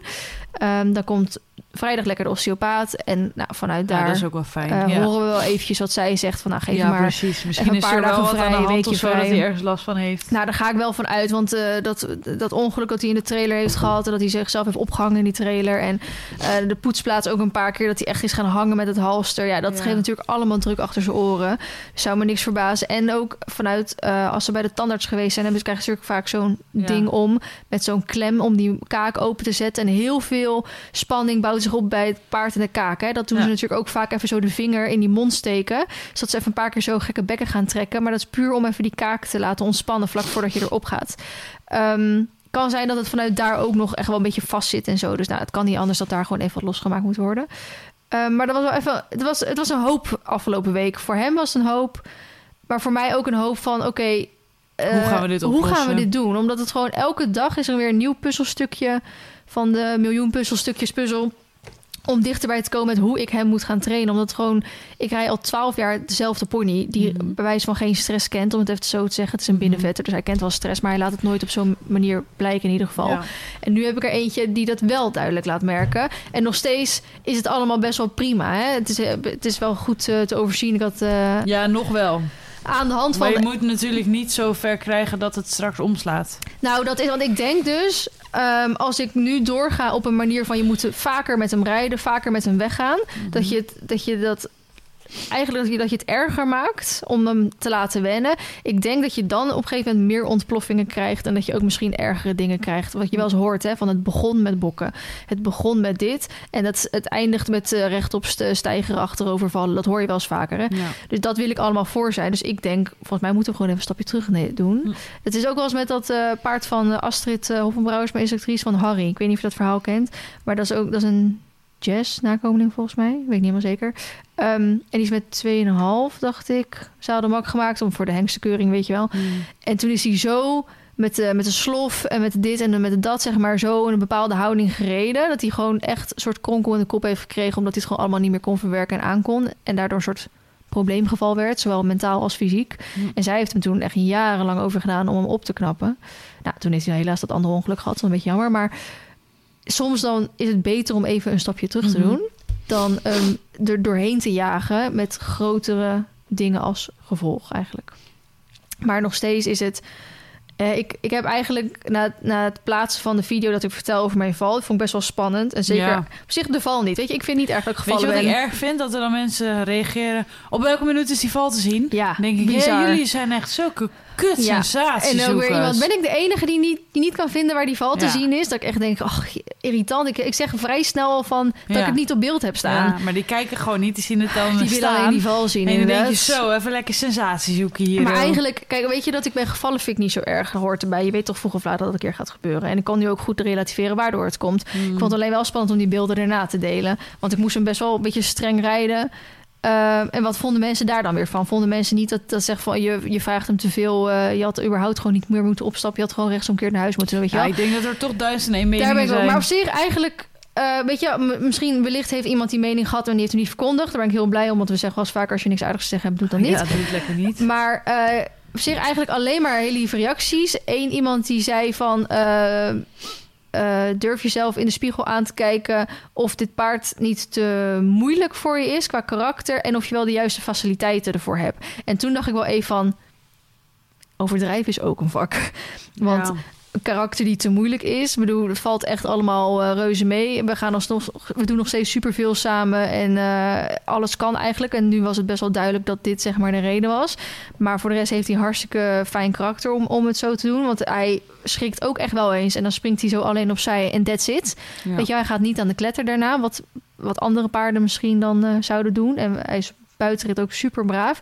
En ook van de juiste faciliteiten om dit te doen. Ik echt zoiets had van, Ja. Waar heeft deze persoon het nou weer over? Maar goed, Ja. dat was eigenlijk het enige wat ik zoiets had. En dacht, nou, weet je, zo eh, een beetje overdreven vond ik dat eh, allemaal. Maar goed, dus dat was nog afgelopen week gebeurd. En vandaag dus weer voor het eerst opgegaan. Het is voor het eerst deze week dan opgegaan. En eigenlijk was het wel heel, eh, heel fijn. Maar volgens mij vindt hij het gewoon echt heel moeilijk. En Ja. hij, ik denk ook dat, hij, dat er zoveel ehm gebeurd is afgelopen week. Ook verschil. Ik heb eerst les van Wesley gehad. Toen heb ik een tijdje les van Astrid gehad. Toen heb ik les van Helma gehad. En eigenlijk iedereen geeft er op een andere anders. manier les. En ik denk dat dat hem ook een beetje in de war brengt nu. Omdat, hè, wat ik zeg, ik had eigenlijk tot nu toe altijd een hele fijne... Niet, geen stabiele verbinding, maar wel een fijne verbinding... toen eenmaal die Wolfskies eruit was. En nu had ik een hele los-vast verbinding. Dus ik denk dat hij oprecht niet even niet zo goed snapt van... wat wil je nou van me? Mhm. moet ik nou een vaste verbinding hebben en dan loopt hij eigenlijk een beetje te diep heel de tijd. Maar ik wil hem nu juist die lengte geven, zodat hij kan gaan ontspannen, die, die hals kan gaan zakken, dat hij in mijn hand eigenlijk gaat meenemen. Ehm, en dat deed hij dan soms, maar soms dan schrok hij daar weer een soort van van. Want hij wist gewoon denk ik niet zo goed van Ja. wat is nou de bedoeling. Dus dat vond ik ook wel een beetje zielig. En aan het einde ging dat eigenlijk wel een heel stuk beter en liet hij hele mooie stukken zien. En dan heb ik liever dat hij gewoon een beetje zo... Ja, ik zal niet zeggen shocked, want ik vind nog steeds dat hij gewoon door moet lopen. Mhm. Maar gewoon dat hij heel, eh, ja, gewoon gewoontjes loopt. Weet je wel, niks spectaculairs aan. Dat is ook niet erg. Eh, dat komt vanzelf wel als hij in balans is en je gaat hem meer oprichten Ja. en weet ik het wat. Ben benieuwd. eh. Ja, heb je nog iets eh, meegemaakt? ja, Oh, spannend. ik heb eh, dressuurles gehad van Jill Huibrechts. ja, zo leuk. Oh, Ik was ook wel een- echt wel... eh, Aan de hand van die video ben ik lid van. Team bij Jill geworden. Ja, echt. Ik ook. Ja, ik vind het echt amazing.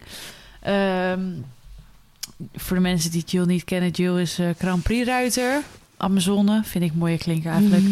Ze heeft op dit moment drie paarden in eigen bezit, waaronder een, een springpaard van haar vriend.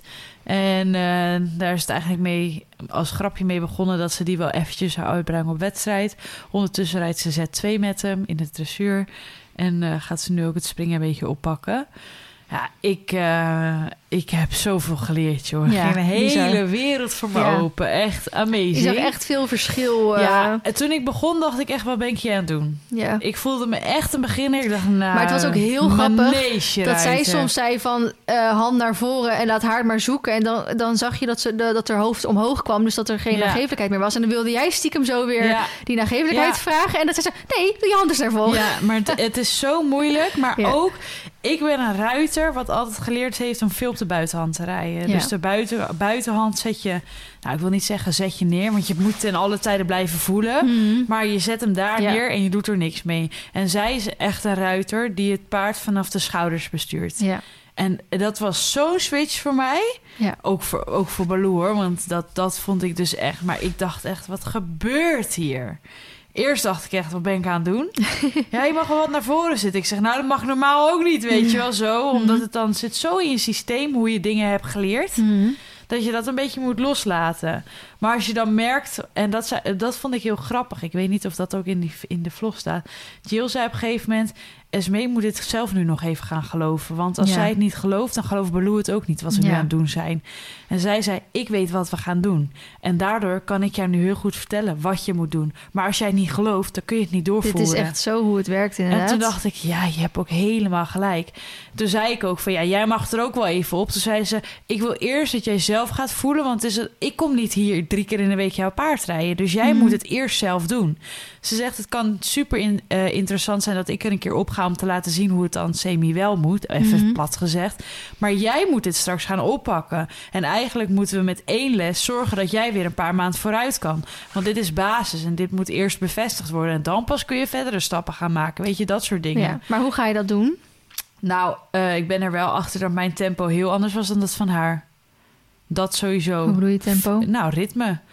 Tempo qua gangen en zo. Oh ja, maar je zag echt dat veel Esmee... meer naar voren, Ja, naar maar voren, je zag ook naar echt dat, echt, eh, dat het echt, echt werkte. Ja. Dat ze, dat, ja. Maar ik was juist eerst van wat meer, nou, wat jij zegt, shocken en zo. Vond ik wel prima. Nou, Jill echt niet. Hup, naar voren.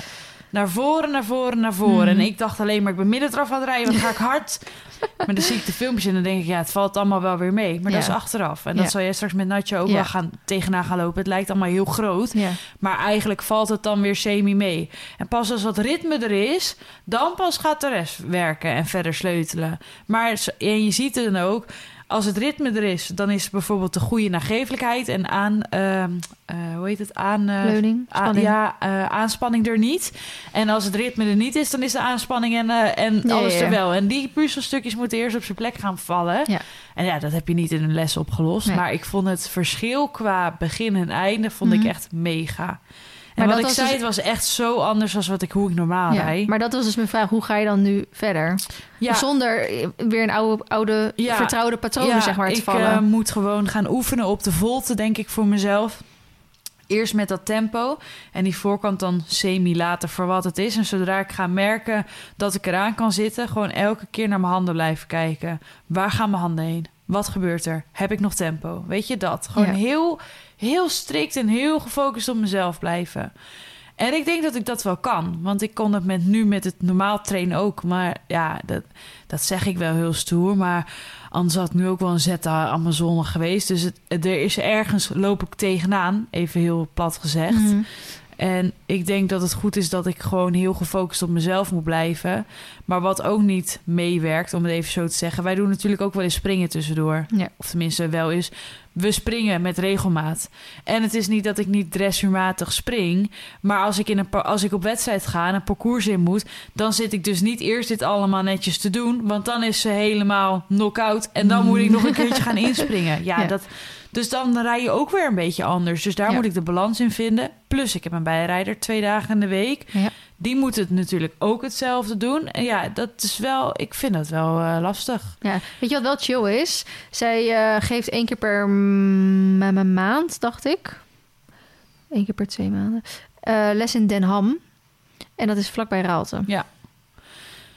Ja, ik eh, denk sowieso dat ik vaker les ga nemen bij Jill. Of moet ik erheen of wat dan ook. Ik vond het heel Ja, fijn. ik wil het ook heel graag, maar het is gewoon eh, eh, het niet is- aan te rijden. Nee, nu. maar zij komt ook vaak bij jou om de hoek. Nee, niet dus. Ze springt bij Wesley. Ja, maar daar gaat ze niet vaak heen. Nee, maar dan kun je misschien wel aansluiten.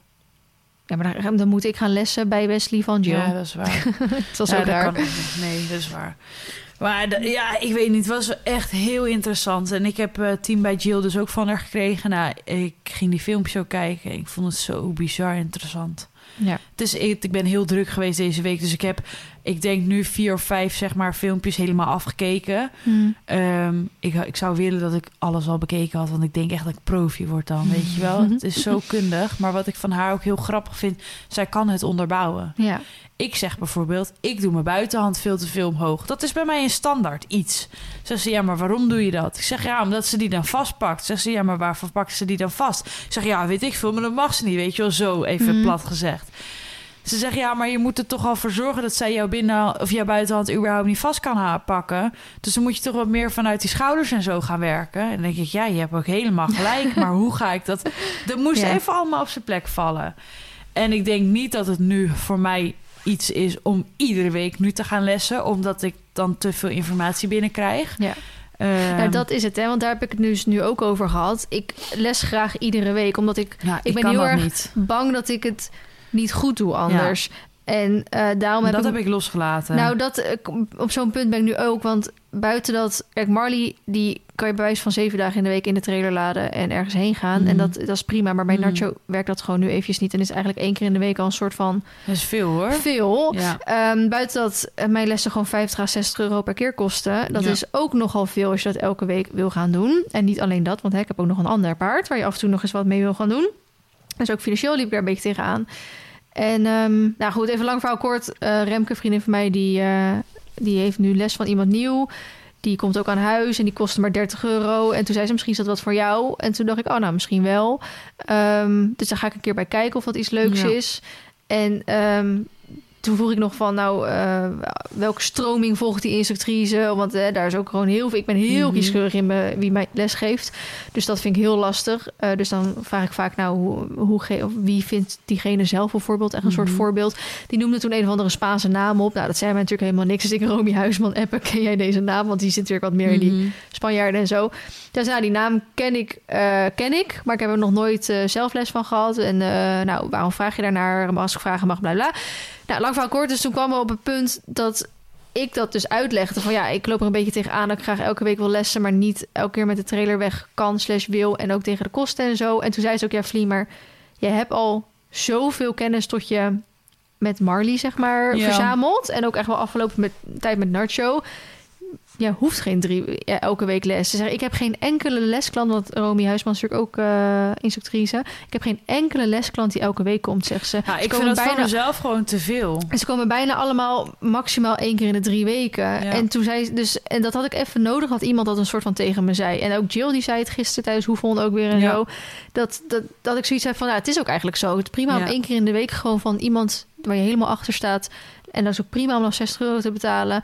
Liever minder, maar oké. Ehm, dan, ja, weet je wel, dus dan, dan doen we het maar op die manier. Ja, ja, en ik vind gewoon... Ik heb zoveel informatie vorige week gekregen. gekregen. Ja, dan kan je het ook niet meer thuis oefenen of ik zo. eh, wist even niet meer waar ik hem moest zoeken, weet je, dat. Maar ja. Ja. om je een idee te geven. Ik heb dinsdag dan les gehad. Ik heb vorige week helemaal niet meer gedressuurd. Ik ben alleen nog op concours geweest. Hmm. Vandaag is het woensdag. Heb ik ook nog niet op gezeten. Ja, dus je hebt nog niks kunnen oefenen. Nee. Want Roseline gaat dan twee dagen. Nou, die ging toevallig vorige week, einde van de week, twee dagen zeg maar achter elkaar. Mhm. Die rijdt dan.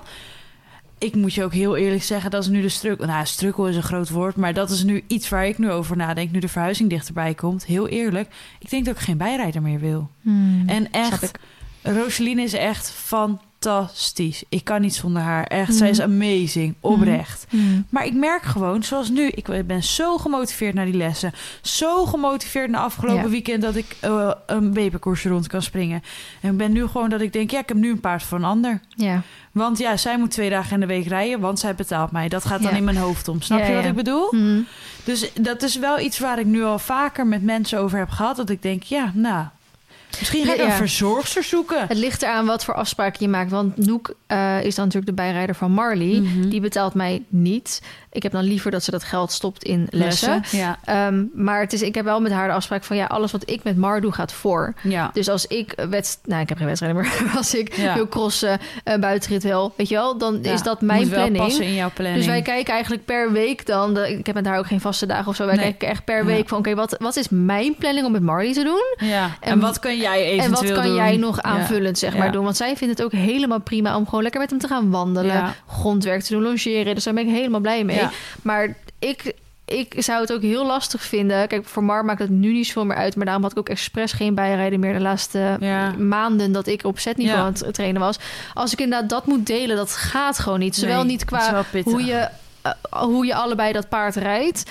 Eh, maar ook inderdaad van, dan, dan ben je soort gemotiveerd om van... oh, eh, deze Ja. les ging zo fijn, ik wil eigenlijk Ja. overmorgen weer gaan rijden. Nou, En dat kan dan en, niet. En dan zitten er maar zeven dagen in de week. En ik Ja. heb nog steeds een jonkie. Wij zitten er oprecht niet vaker dan vier keer in de week op. Nee, dat is ook meer dan zat voor vier dat jaar. is echt. En Oh, dan, is het nog veel, zeg maar. Snap je wat ik? En dat klinkt heel stom. Dan denk je echt, nou.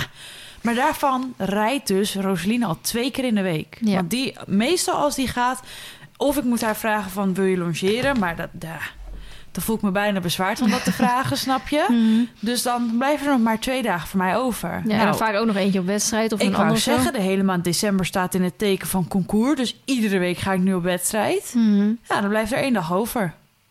Ja. Nou, dan moet het me allemaal maar net goed uitkomen. Want zoals gisteren ook, was eindelijk mijn dag om wat met Baloo te doen. Ik had de hele dag voor de klas gestaan. S'avonds hadden we die lancering van Hoevon. Mhm. Ik kon niet meer. Nee. Ik had geen puff meer. Nee. Ja, dat is mooi kut dan. Ja. Dus Ja, dat, ik vind dat, dat is heel eh, pittig. Maar Ja. dat zijn dingen waar we het later zeker nog een keer over willen kunnen hebben. Die video van Jill staat in ieder geval online. Waar ik eh, zelf heel erg eh, tegenaan loop op dit moment... is dat ik zo aan het groeien ben met mijn kanaal, met Live As Me. Mhm. Ik heb dus een veldje in mijn eh, scherm zitten van ja. mijn... eh, of in mijn lens zitten van mijn camera. Mhm. Een strootje, moet ik erbij zeggen. Het repareren van die camera is waarschijnlijk even duur als een nieuwe camera. Maar het is gewoon een rip uit mijn lijf. Dat weet je zelf ook. Mhm. Kost gewoon heel veel geld. Ehm, hier heb ik Kees op zitten. Ik noem hem Kees, maar dat is zo'n geluids... eh, ja, ja. Pluisje. ding. En je ziet dat veldje, zie je dus als een zwarte vlok, zeg maar, in mijn scherm. Maar alleen bij helderheid, Mhm. zeg maar. Alleen als je de lucht bijvoorbeeld... Dus eh, bijvoorbeeld met les, eh, dan zie je dat echt. Nou, daar kan ik niet tegen. Dat vind ik Mm. verschrikkelijk. Dus ik heb gezegd, film alles maar met een telefoon. mhm. Maar op een telefoon zit er weer niet zo'n geluidsdingetje. Ja. Dus je hoort weer allemaal ruis van de wind. Ja. Ja, dan baal ik natuurlijk. Want dan denk ik, godverdomme. Eh, Chill is hier, wil je gewoon een leuke video wil- neerzetten. Ja, dus dan zit ik te kijken voor microfoontjes. Nou, ik, ik hoef jou het allemaal niet uit te leggen. maar het is heel veel geld allemaal. Ja. Ja. maar desnoods van die hands-free microfoontjes. Ja, ja, maar dat kan volgens mij niet. eh, laat hem eens zien. Volgens mij kan dat niet bij die van jou. Nee? Nee. Ah, dat maakt niet. In ieder geval, weet je, dat soort dingen ben ik dan voor na aan het kijken. En dan denk ik, ja, want dat Stuur, voordat wel... je iets koopt, stuur het even naar mij eerst hoor. Ja, is goed. Dat hoort dus allemaal bij een soort van de, het proces waar ik dan nu in zit. Dat je zo aan het groeien bent dat je ook graag je kijkers en je volgers Nee, jij, blij, kan, jij kan geen externe microfoon op deze. Oké, blij wil houden. Eh, maar dat je gewoon met dingen te maken hebt. Ja, waar je liever niet tegenaan wil lopen. Maar heel eerlijk, ik heb niet eventjes 2000 euro op de plank liggen om of een nieuwe telefoon, of een nieuwe camera, of een nieuwe telefoon. Ik wil ook een nieuwe telefoon. Weet je, oh, ik ga een eh, microfoontje en alles te kopen. Is gewoon zo duur. Mm. En denk ik, daar baal ik dan van. Dan Ja. denk ik, ik had gewoon heel graag eh, iemand meegehad die dan helemaal eh, dat allemaal Ja. goed voor mij had vastgelegd. Ja, Ja. dat vind ik kut. Dan Ja. denk ik, kan ik mezelf echt in mijn kop aan. eh, Ja, dat snap ik, maar dat zijn wel investeringen inderdaad. ja. en maar die investeringen komen nu te vroeg. Ja, ja, dat is ik. het eigenlijk. Ja. En het is nu iets van de laatste maanden dat het weer in één keer heel erg de, de, de, de, hoogte inschiet Mhm. qua het groeien. Eh, en dat het in één keer allemaal opvalt. Juist omdat die camera dus ook een veldje heeft. Want ik Mhm. film normaal altijd alles met de camera. Mhm. Maar omdat ik mezelf daar nu aan erger. En de ander zou zeggen, nou, het valt bijna niet op, want het is net een wolk. Ja, ik denk, gadverdamme, er zit Ja, daar ja. wat. Ik film wel met mijn telefoon. Ja, Dat is gewoon moeilijk. Ik loop daar tegenaan. ja, Dus dat is eh, even een dingetje. ja, snap ik. Als je Hoe nog... eh, ver zijn we? we zitten op een uur en 18 minuten, maar ik heb nog één ding te vertellen. Oké. De rest nemen we wel mee naar het tweede ja, dat is deel. goed. Eh, ik heb vandaag mijn eerste laserbehandeling gehad. Oh, dat was vandaag, ja. Ik ben, oh, maar dit, dit, dit is even raar voor de mensen die vandaag voor het eerst instappen. Maar eh, dat is de laatste aflevering hiervan staat op Podimo. Eh, Ja, Spotify, God, ja. Op Spotify.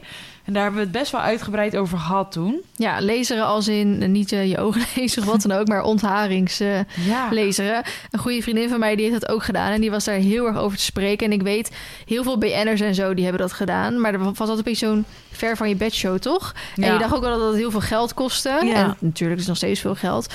Maar ik ben gewoon best wel soort van te lui om te scheren. En je doet Maar het natuurlijk eerlijk, wel. Dit zeer. Ik ga ik straks over. Oh, Ik ben een soort van, nou niet echt te lui om te scheren. Want als je, als in de zomer deed je wel gewoon je oksels en je bikinilijn en je Mhm. onderbenen en dat soort dingen en zo. Maar in de winter denk ik, ja, niemand ziet dat. En boeien, weet je wel. Ik ben al acht jaar samen. Dan hoeft allemaal ook niet meer. Oh, ik, ik moet dat echt doen. Ik vind dat ik, ik voel mezelf heel, heel naar als ik het niet doe.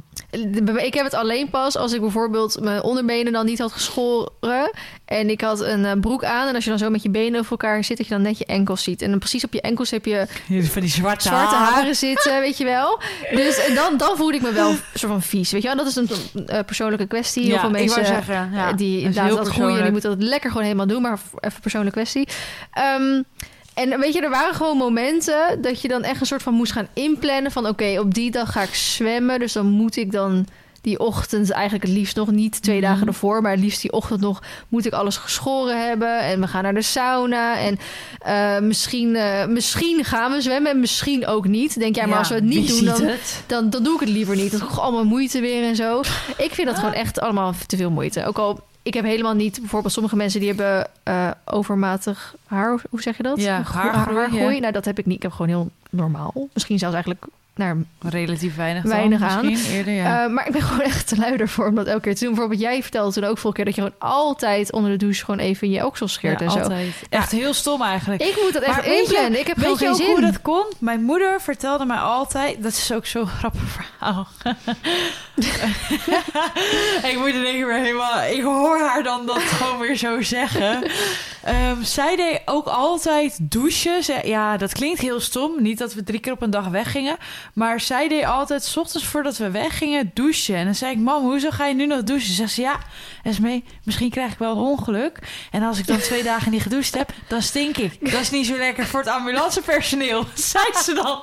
En daar heb ik altijd zo hard om gelachen. Maar da- dan zei ik... en dan, je trekt hem gewoon even een schone onderbroek aan, weet je. Dat soort grapjes maakten wij dan onderling. Want als we dan weg moesten, dan... Oh. En daar is ook een beetje dat scheren en zo, denk ik, vandaag gekomen. Ja. Niet dat ze zei, hé, hey, ik doe even alles scheren, want stel je voor. Maar dat is er een beetje zo bij ingekomen eigenlijk. Hmm. En sindsdien denk ik dan, ja, straks heb ik concours, donderstruik van mijn paard af, moet alles opengeknipt worden. En dan zie je toch zo'n bos zonder mooksels vandaan komen. Ja, dat is niks voor mij. Dat zou me ook nooit gebeuren. Snap je wat ik Ja, bedoel? ja, ik dat is echt, eh, ja, En nee. daar denk ik dus inderdaad nooit over na. Ja, toen, ook, toen ik in het gips zat, vorig jaar, met Ja. mijn hand, moest, je, eh, moest ik met zo'n ding omdouchen. Ja. Nou, dat was een mooi fact hoor. Kon ik de linker of de rechterkant niet scheren. Nou, zei ik gewoon tegen jullie, halen we even langs. Ja, dat soort dingen. Ja, ik ben daar heel erg Bonding schoon in. Ja, schoon is dan het verkeerde woord, maar voor mezelf vind ik dat heel belangrijk. Ja. Nou, dat is prima. Ja, dat is helemaal ik prima. zeggen, dat is helemaal persoonlijke kwestie Ja. ook hoor. Maar met dat over het ambulancepersoneel, dat zei mijn moeder altijd, dat ze gewoon in blijven hangen. Ik denk dan ook helemaal, ja, straks val ik er vanaf. En dan denken ze, jeetje, wat veel stoppels heeft die meid. Nou, echt. Ik denk echt dat ze dat denken als je Ik- dat doet. Dat zit tussen mijn oren. Maar ik had het bijvoorbeeld met eh Madeleine. Die heeft, heeft natuurlijk nu ook de paardenhuis en Ja. zo. En die hebben bij dat huis ook een jacuzzi en zo gekregen. En de eh, eerste keer dat we bij haar langs gingen, gingen we ook in die jacuzzi. En toen gingen wij dus een paar weken geleden daar weer langs. Dus ik vroeg even aan haar van tevoren... eh, Zijn we van plan om in die jacuzzi te Dan gaan? moet Ja even nee? een half, dan half moet- uur durende, durende douchebeurt inplannen. Moet ik even... maar zij had niet op tijd gereageerd. Want die meid had het heel slecht op WhatsApp. Kut, sorry. Dus had je niet geschoren. En toen zei je, sorry Nou, en jongens. toen waren we dus al onderweg. Dus toen zei Madeleine ook van ja, kan, is goed. Dus ik zei ja, nu heb ik mijn bikini niet bij. Maar toen zei Madeleine, ja, maar we kunnen toch ook gewoon in ons ondergoed erin gaan. En toen dacht ik echt, nee, dat is niet dat is niet het probleem met. Nee, dit is niet de tijd. Dus nou goed, ik zou gewoon heel graag nooit meer me daar zorgen over hoeven te Ik zie maken. zitten met, je, met zo'n lichte onderbroek aan. Of, nou, ik zie het gewoon helemaal zo gebeuren. Dat alles overal doorheen schijnt. Nou, echt heerlijk. Oh, echt, het is ook niks voor jou inderdaad. Nee, ja, ik... eh, Dus ja. nou, ja, ik zou me Ieder- daar ja. zeer unco- uncomfy Oh, bij ja, eh, Nou, precies voelen. dat. Ik denk dat dat het hele goede woord En is. daarom eh, dat heb ik met vermijd ik graag dat soort dingen. Ik had ook echt, als ik dan mijn oksels niet geschoren had... en Daarom ik ging naar wilde de... je niet meer mee naar de sauna, want dan heb je, hoef je niet te en ik had. ehm, eh, en ik ging daar naar sporten in de zomer. En ik wilde een hemdje aandoen. Dan moest ik ook echt. Ja, ik voel me dan. denk, dan moet ik echt mijn oksels geschoren hebben. Ja. Weet je wel? Anders doe ik gewoon een polootje aan met een lang shirtje. En wat ik ook had. Dat. Ja, ik weet. Ik, weet niet of iedereen dit heeft. Ik weet niet of dat anderen het ook hebben. Maar als ik wel mijn bikinilijn scheer. en ik ga daarna paardrijden. Buitenrit. twee Ja, uur dan lang. ga je helemaal dan kapot. ga je echt helemaal kapot. Ik heb Ja. echt tot wonden bloedens aan toe Ja, gehad. En daarom moet ik dat ook dus oprecht. En ik Maar dat veel ligt ook aan je scheermes. Daar ben ik ook en aan je ondergoed. Ja. Ehm, maar dus zo moest ik op een gegeven moment echt gaan plannen van wanneer. Nou, niet. Staat in de agenda, schat. Ik kan niet al buitenrit, want ik heb net geschoren. Nee, vandaag even niet, schat. Dus nou, zo heb ik echt wel. eh, ik, ik, sowieso vind ik met een, eh, een boxer qua ondergoed, zeg maar, al veel fijner op buitenrit rijden dan met een Ja, string of zo. zit? Ik noem het altijd granny pennies. Ja. Ik vind dat heerlijk. Maar ik vind een, granny penny, dat, dat, dan zie je die lijntjes wel beter in je rijbroek zitten dan dat je een boxer aan hebt. Ja, dat vind ik ook jammer. Dat ja. vind ik dus en ik met mooi. mijn dikke billen dan. dan dat is echt kut met zo'n granny penny. Ja. Want dan zit die granny penny aan de achterkant eigenlijk net te strak. En dan zie je hele erge lijnen. en dan lijkt het net als dat die onderbroek zit dan verder helemaal goed. Ja. En als je een maat groter hebt, dan denk je nou hier verzuip ik in. Ja. Hier kan ik eh, mee eh, naar, de sauna. Eh, hier kon ik echt mee naar het bejaardenhuis eigenlijk. maar dat, dat vind, ik, ja, vind ik wel lastig. Ja. Maar ik vind boxers ook echt Ja, maar dan boxers zie je gewoon eigenlijk, omdat die, Minder, dat, het lijntje dan lager zit, zie je dat veel minder. Maar goed, dus ik Terug naar de leeskliniek, sorry. We haken, een goede vriendin van mij die heeft dat dus gedaan. Ehm, en die was er dus heel tevreden over. En daardoor had ik een soort, wat ik eerder zei, een soort ver van je bedshow was altijd. Nou, nu was er denk ik geen ver van mijn bedshow. En die was er helemaal blij mee. En die ging naar een kliniek en die was er ook. Dat vind ik ook altijd lastig. Want ik heb Ja, bijvoorbeeld in, de, in, de, in het verleden heb ik ook wel eens mijn tanden gebleekt. En da- dat is er ook veel prutsers zitten daar op de Ja. markt, weet je wel. En daar was ik ook altijd bang voor dat, dat je, want je betaalt best wel wat geld ervoor, dat je dan ook bij zo'n laserkliniek kwam dat het allemaal eigenlijk net niet ging zoals je wilde. Maar zij was er heel blij mee. Nou, voor ehm bikinilijn groot, voor oksels en onderbenen betaal je 1140 euro. Veel geld. Maar als je dan bedenkt dat je hopelijk de rest van je leven eh, op dingen na, zoals bijvoorbeeld een keer zwangerschap of, of andere hormoondingen, kan het alweer anders zijn. niet meer hoeft te scheren. Nou, dan betaal ik heel graag die 1140 euro. Wel eventjes meegewacht tot het winter was. Want eh, Ja, dat is makkelijker, want eh, anders mag je ook niet in de zon. ja, zo. precies. Dan moet je allemaal weer gaan afdekken en, En, dat je soort moet dingen. wachten met scheren dan, hè? Want je moet toch Ja, eh, ja, ja. speciaal... eh, sch- Daar zit Ja. ook een schema aan. ja, precies. Ja. Dus, ehm, nou goed, ik vond nu een mooie tijd om te gaan. Ik zou dus eigenlijk eh, twee weken geleden al gaan. Mhm. En dat vertelden we dus toen precies Ja, in die ja. podcast. Nou, want op die maandag had ik eh klapband gehad met de auto. Dus kon ik niet eh, daarheen komen. Dus vandaag was eindelijk de dag. En ik had dus al een keer een proefbehandeling daar gedaan. bij mijn rechteroksel. En dat was dus inderdaad nu ongeveer drie weken geleden. En het, je ziet echt super erg verschil al. Nou, dus? Heb je foto's gemaakt? ik heb geen foto's van mijn oksels gemaakt. Mij doe dat even. Geen foto's van mijn oksels Dan gemaakt. kun je mij influencen. Omdat mijn rechter eh, oksel dus wel was gedaan en mijn linker oksel niet, omdat het een proefbehandeling was, kon je dus heel goed het verschil zien. En je zag echt heel goed verschil. Dus daar was ik heel blij mee. Ehm, En maar hoeveel beurten kreeg je nou? ik kreeg vijf behandelingen. Ja. En dan is het, en dan is het, hebben ze 85% ja, Mhm. gemiddeld soort van garantie dat je dan nou, haarvrij bent. Dus dat is geen 100. En het is eh, raadzaam om één keer per jaar terug te komen voor eh, een soort onderhoudsbehandeling. Een APK'tje. Precies. Dus, ehm, nou goed, eh, weet je, het gaat met zo'n laser en daar ho- hoef ik allemaal niet uit te leggen hoe dat werkt. Dat zoek maar op internet als je het wil weten. Maar het is inderdaad wel zo. Je moet eigenlijk glad geschoren daar komen, want hij, hij pakt eh, het haartje. En je wil liever dat hij het haartje in het haarzakje pakt, want dan gaat hij weg. Dan dat hij het haartje dat uitsteekt pakt, want dan gaat al die warmte daarheen. Want dat heeft natuurlijk minder Mhm. weerstand, het zit bu- buiten je huid. Dus je moet sowieso glad geschoren daarheen gaan. Ehm, en het is natuurlijk dat hij, als er op één plek heel veel haartjes bij elkaar zitten, dan doet het natuurlijk meer pijn Ja. dan op een plek waar wat minder haartjes. Vooral Ja. aan de randen doet het dan niet zoveel pijn, maar echt in de kern van je oksel, zeg maar, ja, doet het wel een stuk doen. pijn. En dat is bijvoorbeeld hetzelfde met je ehm bikinilijn. Op je, je ja, dat, dat gebied krijgt meestal natuurlijk geen daglicht te verdragen of zo. Dus dat heeft best wel. Nou, bij mij niet, nee. Mij ik lig niet. met mijn benen wijd in de, in de zon. Ehm, dat, dat zijn allemaal natuurlijk donkere eh, en dikkere haartjes dan bijvoorbeeld eh, je benen of zo. Ja. Dus ook je, je venusheuvel, zeg maar, want daar zitten dan de meeste haartjes. Die doet ook best wel gewoon eventjes pijn. Dat ik ook echt wel zo, zo, zoiets van... oké, ik kan die toevallig wat zachter of even pauze, weet je wel. Want het, het voelt gewoon alsof iemand gekost zo met een naald zo Ja. in je aan het prikken is. Maar dan bijvoorbeeld de zijkanten, dus eh, je lies of, of eh, zo'n stukje van je been... daar is het dan...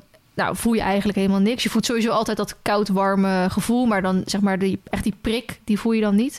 En eigenlijk bij je schaamlippen en zo voel je het eigenlijk ook bijna Ja, dat niet. lijkt me best, wel pijnlijk. Nee, dat is dus echt... Want daar was als je wel eens met een scheer eh, dingen, zeg maar, zo je schaamlip inscheert. Ik had vroeger van die me- andere mesjes. Nou, Mm. dan lag ik wel eens open. Nou, Ja, dat is niet fijn. Maar. Daar heb je dus minder haartjes dan op je venusheuvel eigenlijk. Dus je venusheuvel doet gewoon echt veel meer pijn dan je Oh. schaamlip. Eigenlijk is dat ja, bij, bijna, bijna geen pijn.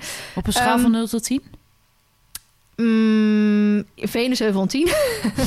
en eh, eh, eh, schaamlippen denk ik, ja, wat zal het zijn? Een, een 6 of zo. Dat is wel Hm, goed dat te doen. wel oké. En dan echt die, die, die randjes zijn een 3 of zo, weet je wel. Ja, precies. Ehm, onderbenen ook nergens last van, behalve dus mijn enkels. Want dat is ook weer precies zo. Eigenlijk hoe, hoe eh, hoger je naar boven gaat, hoe lichter je haartjes worden. Dus rondom je knie is bijvoorbeeld heel vaak wat lichtere haren.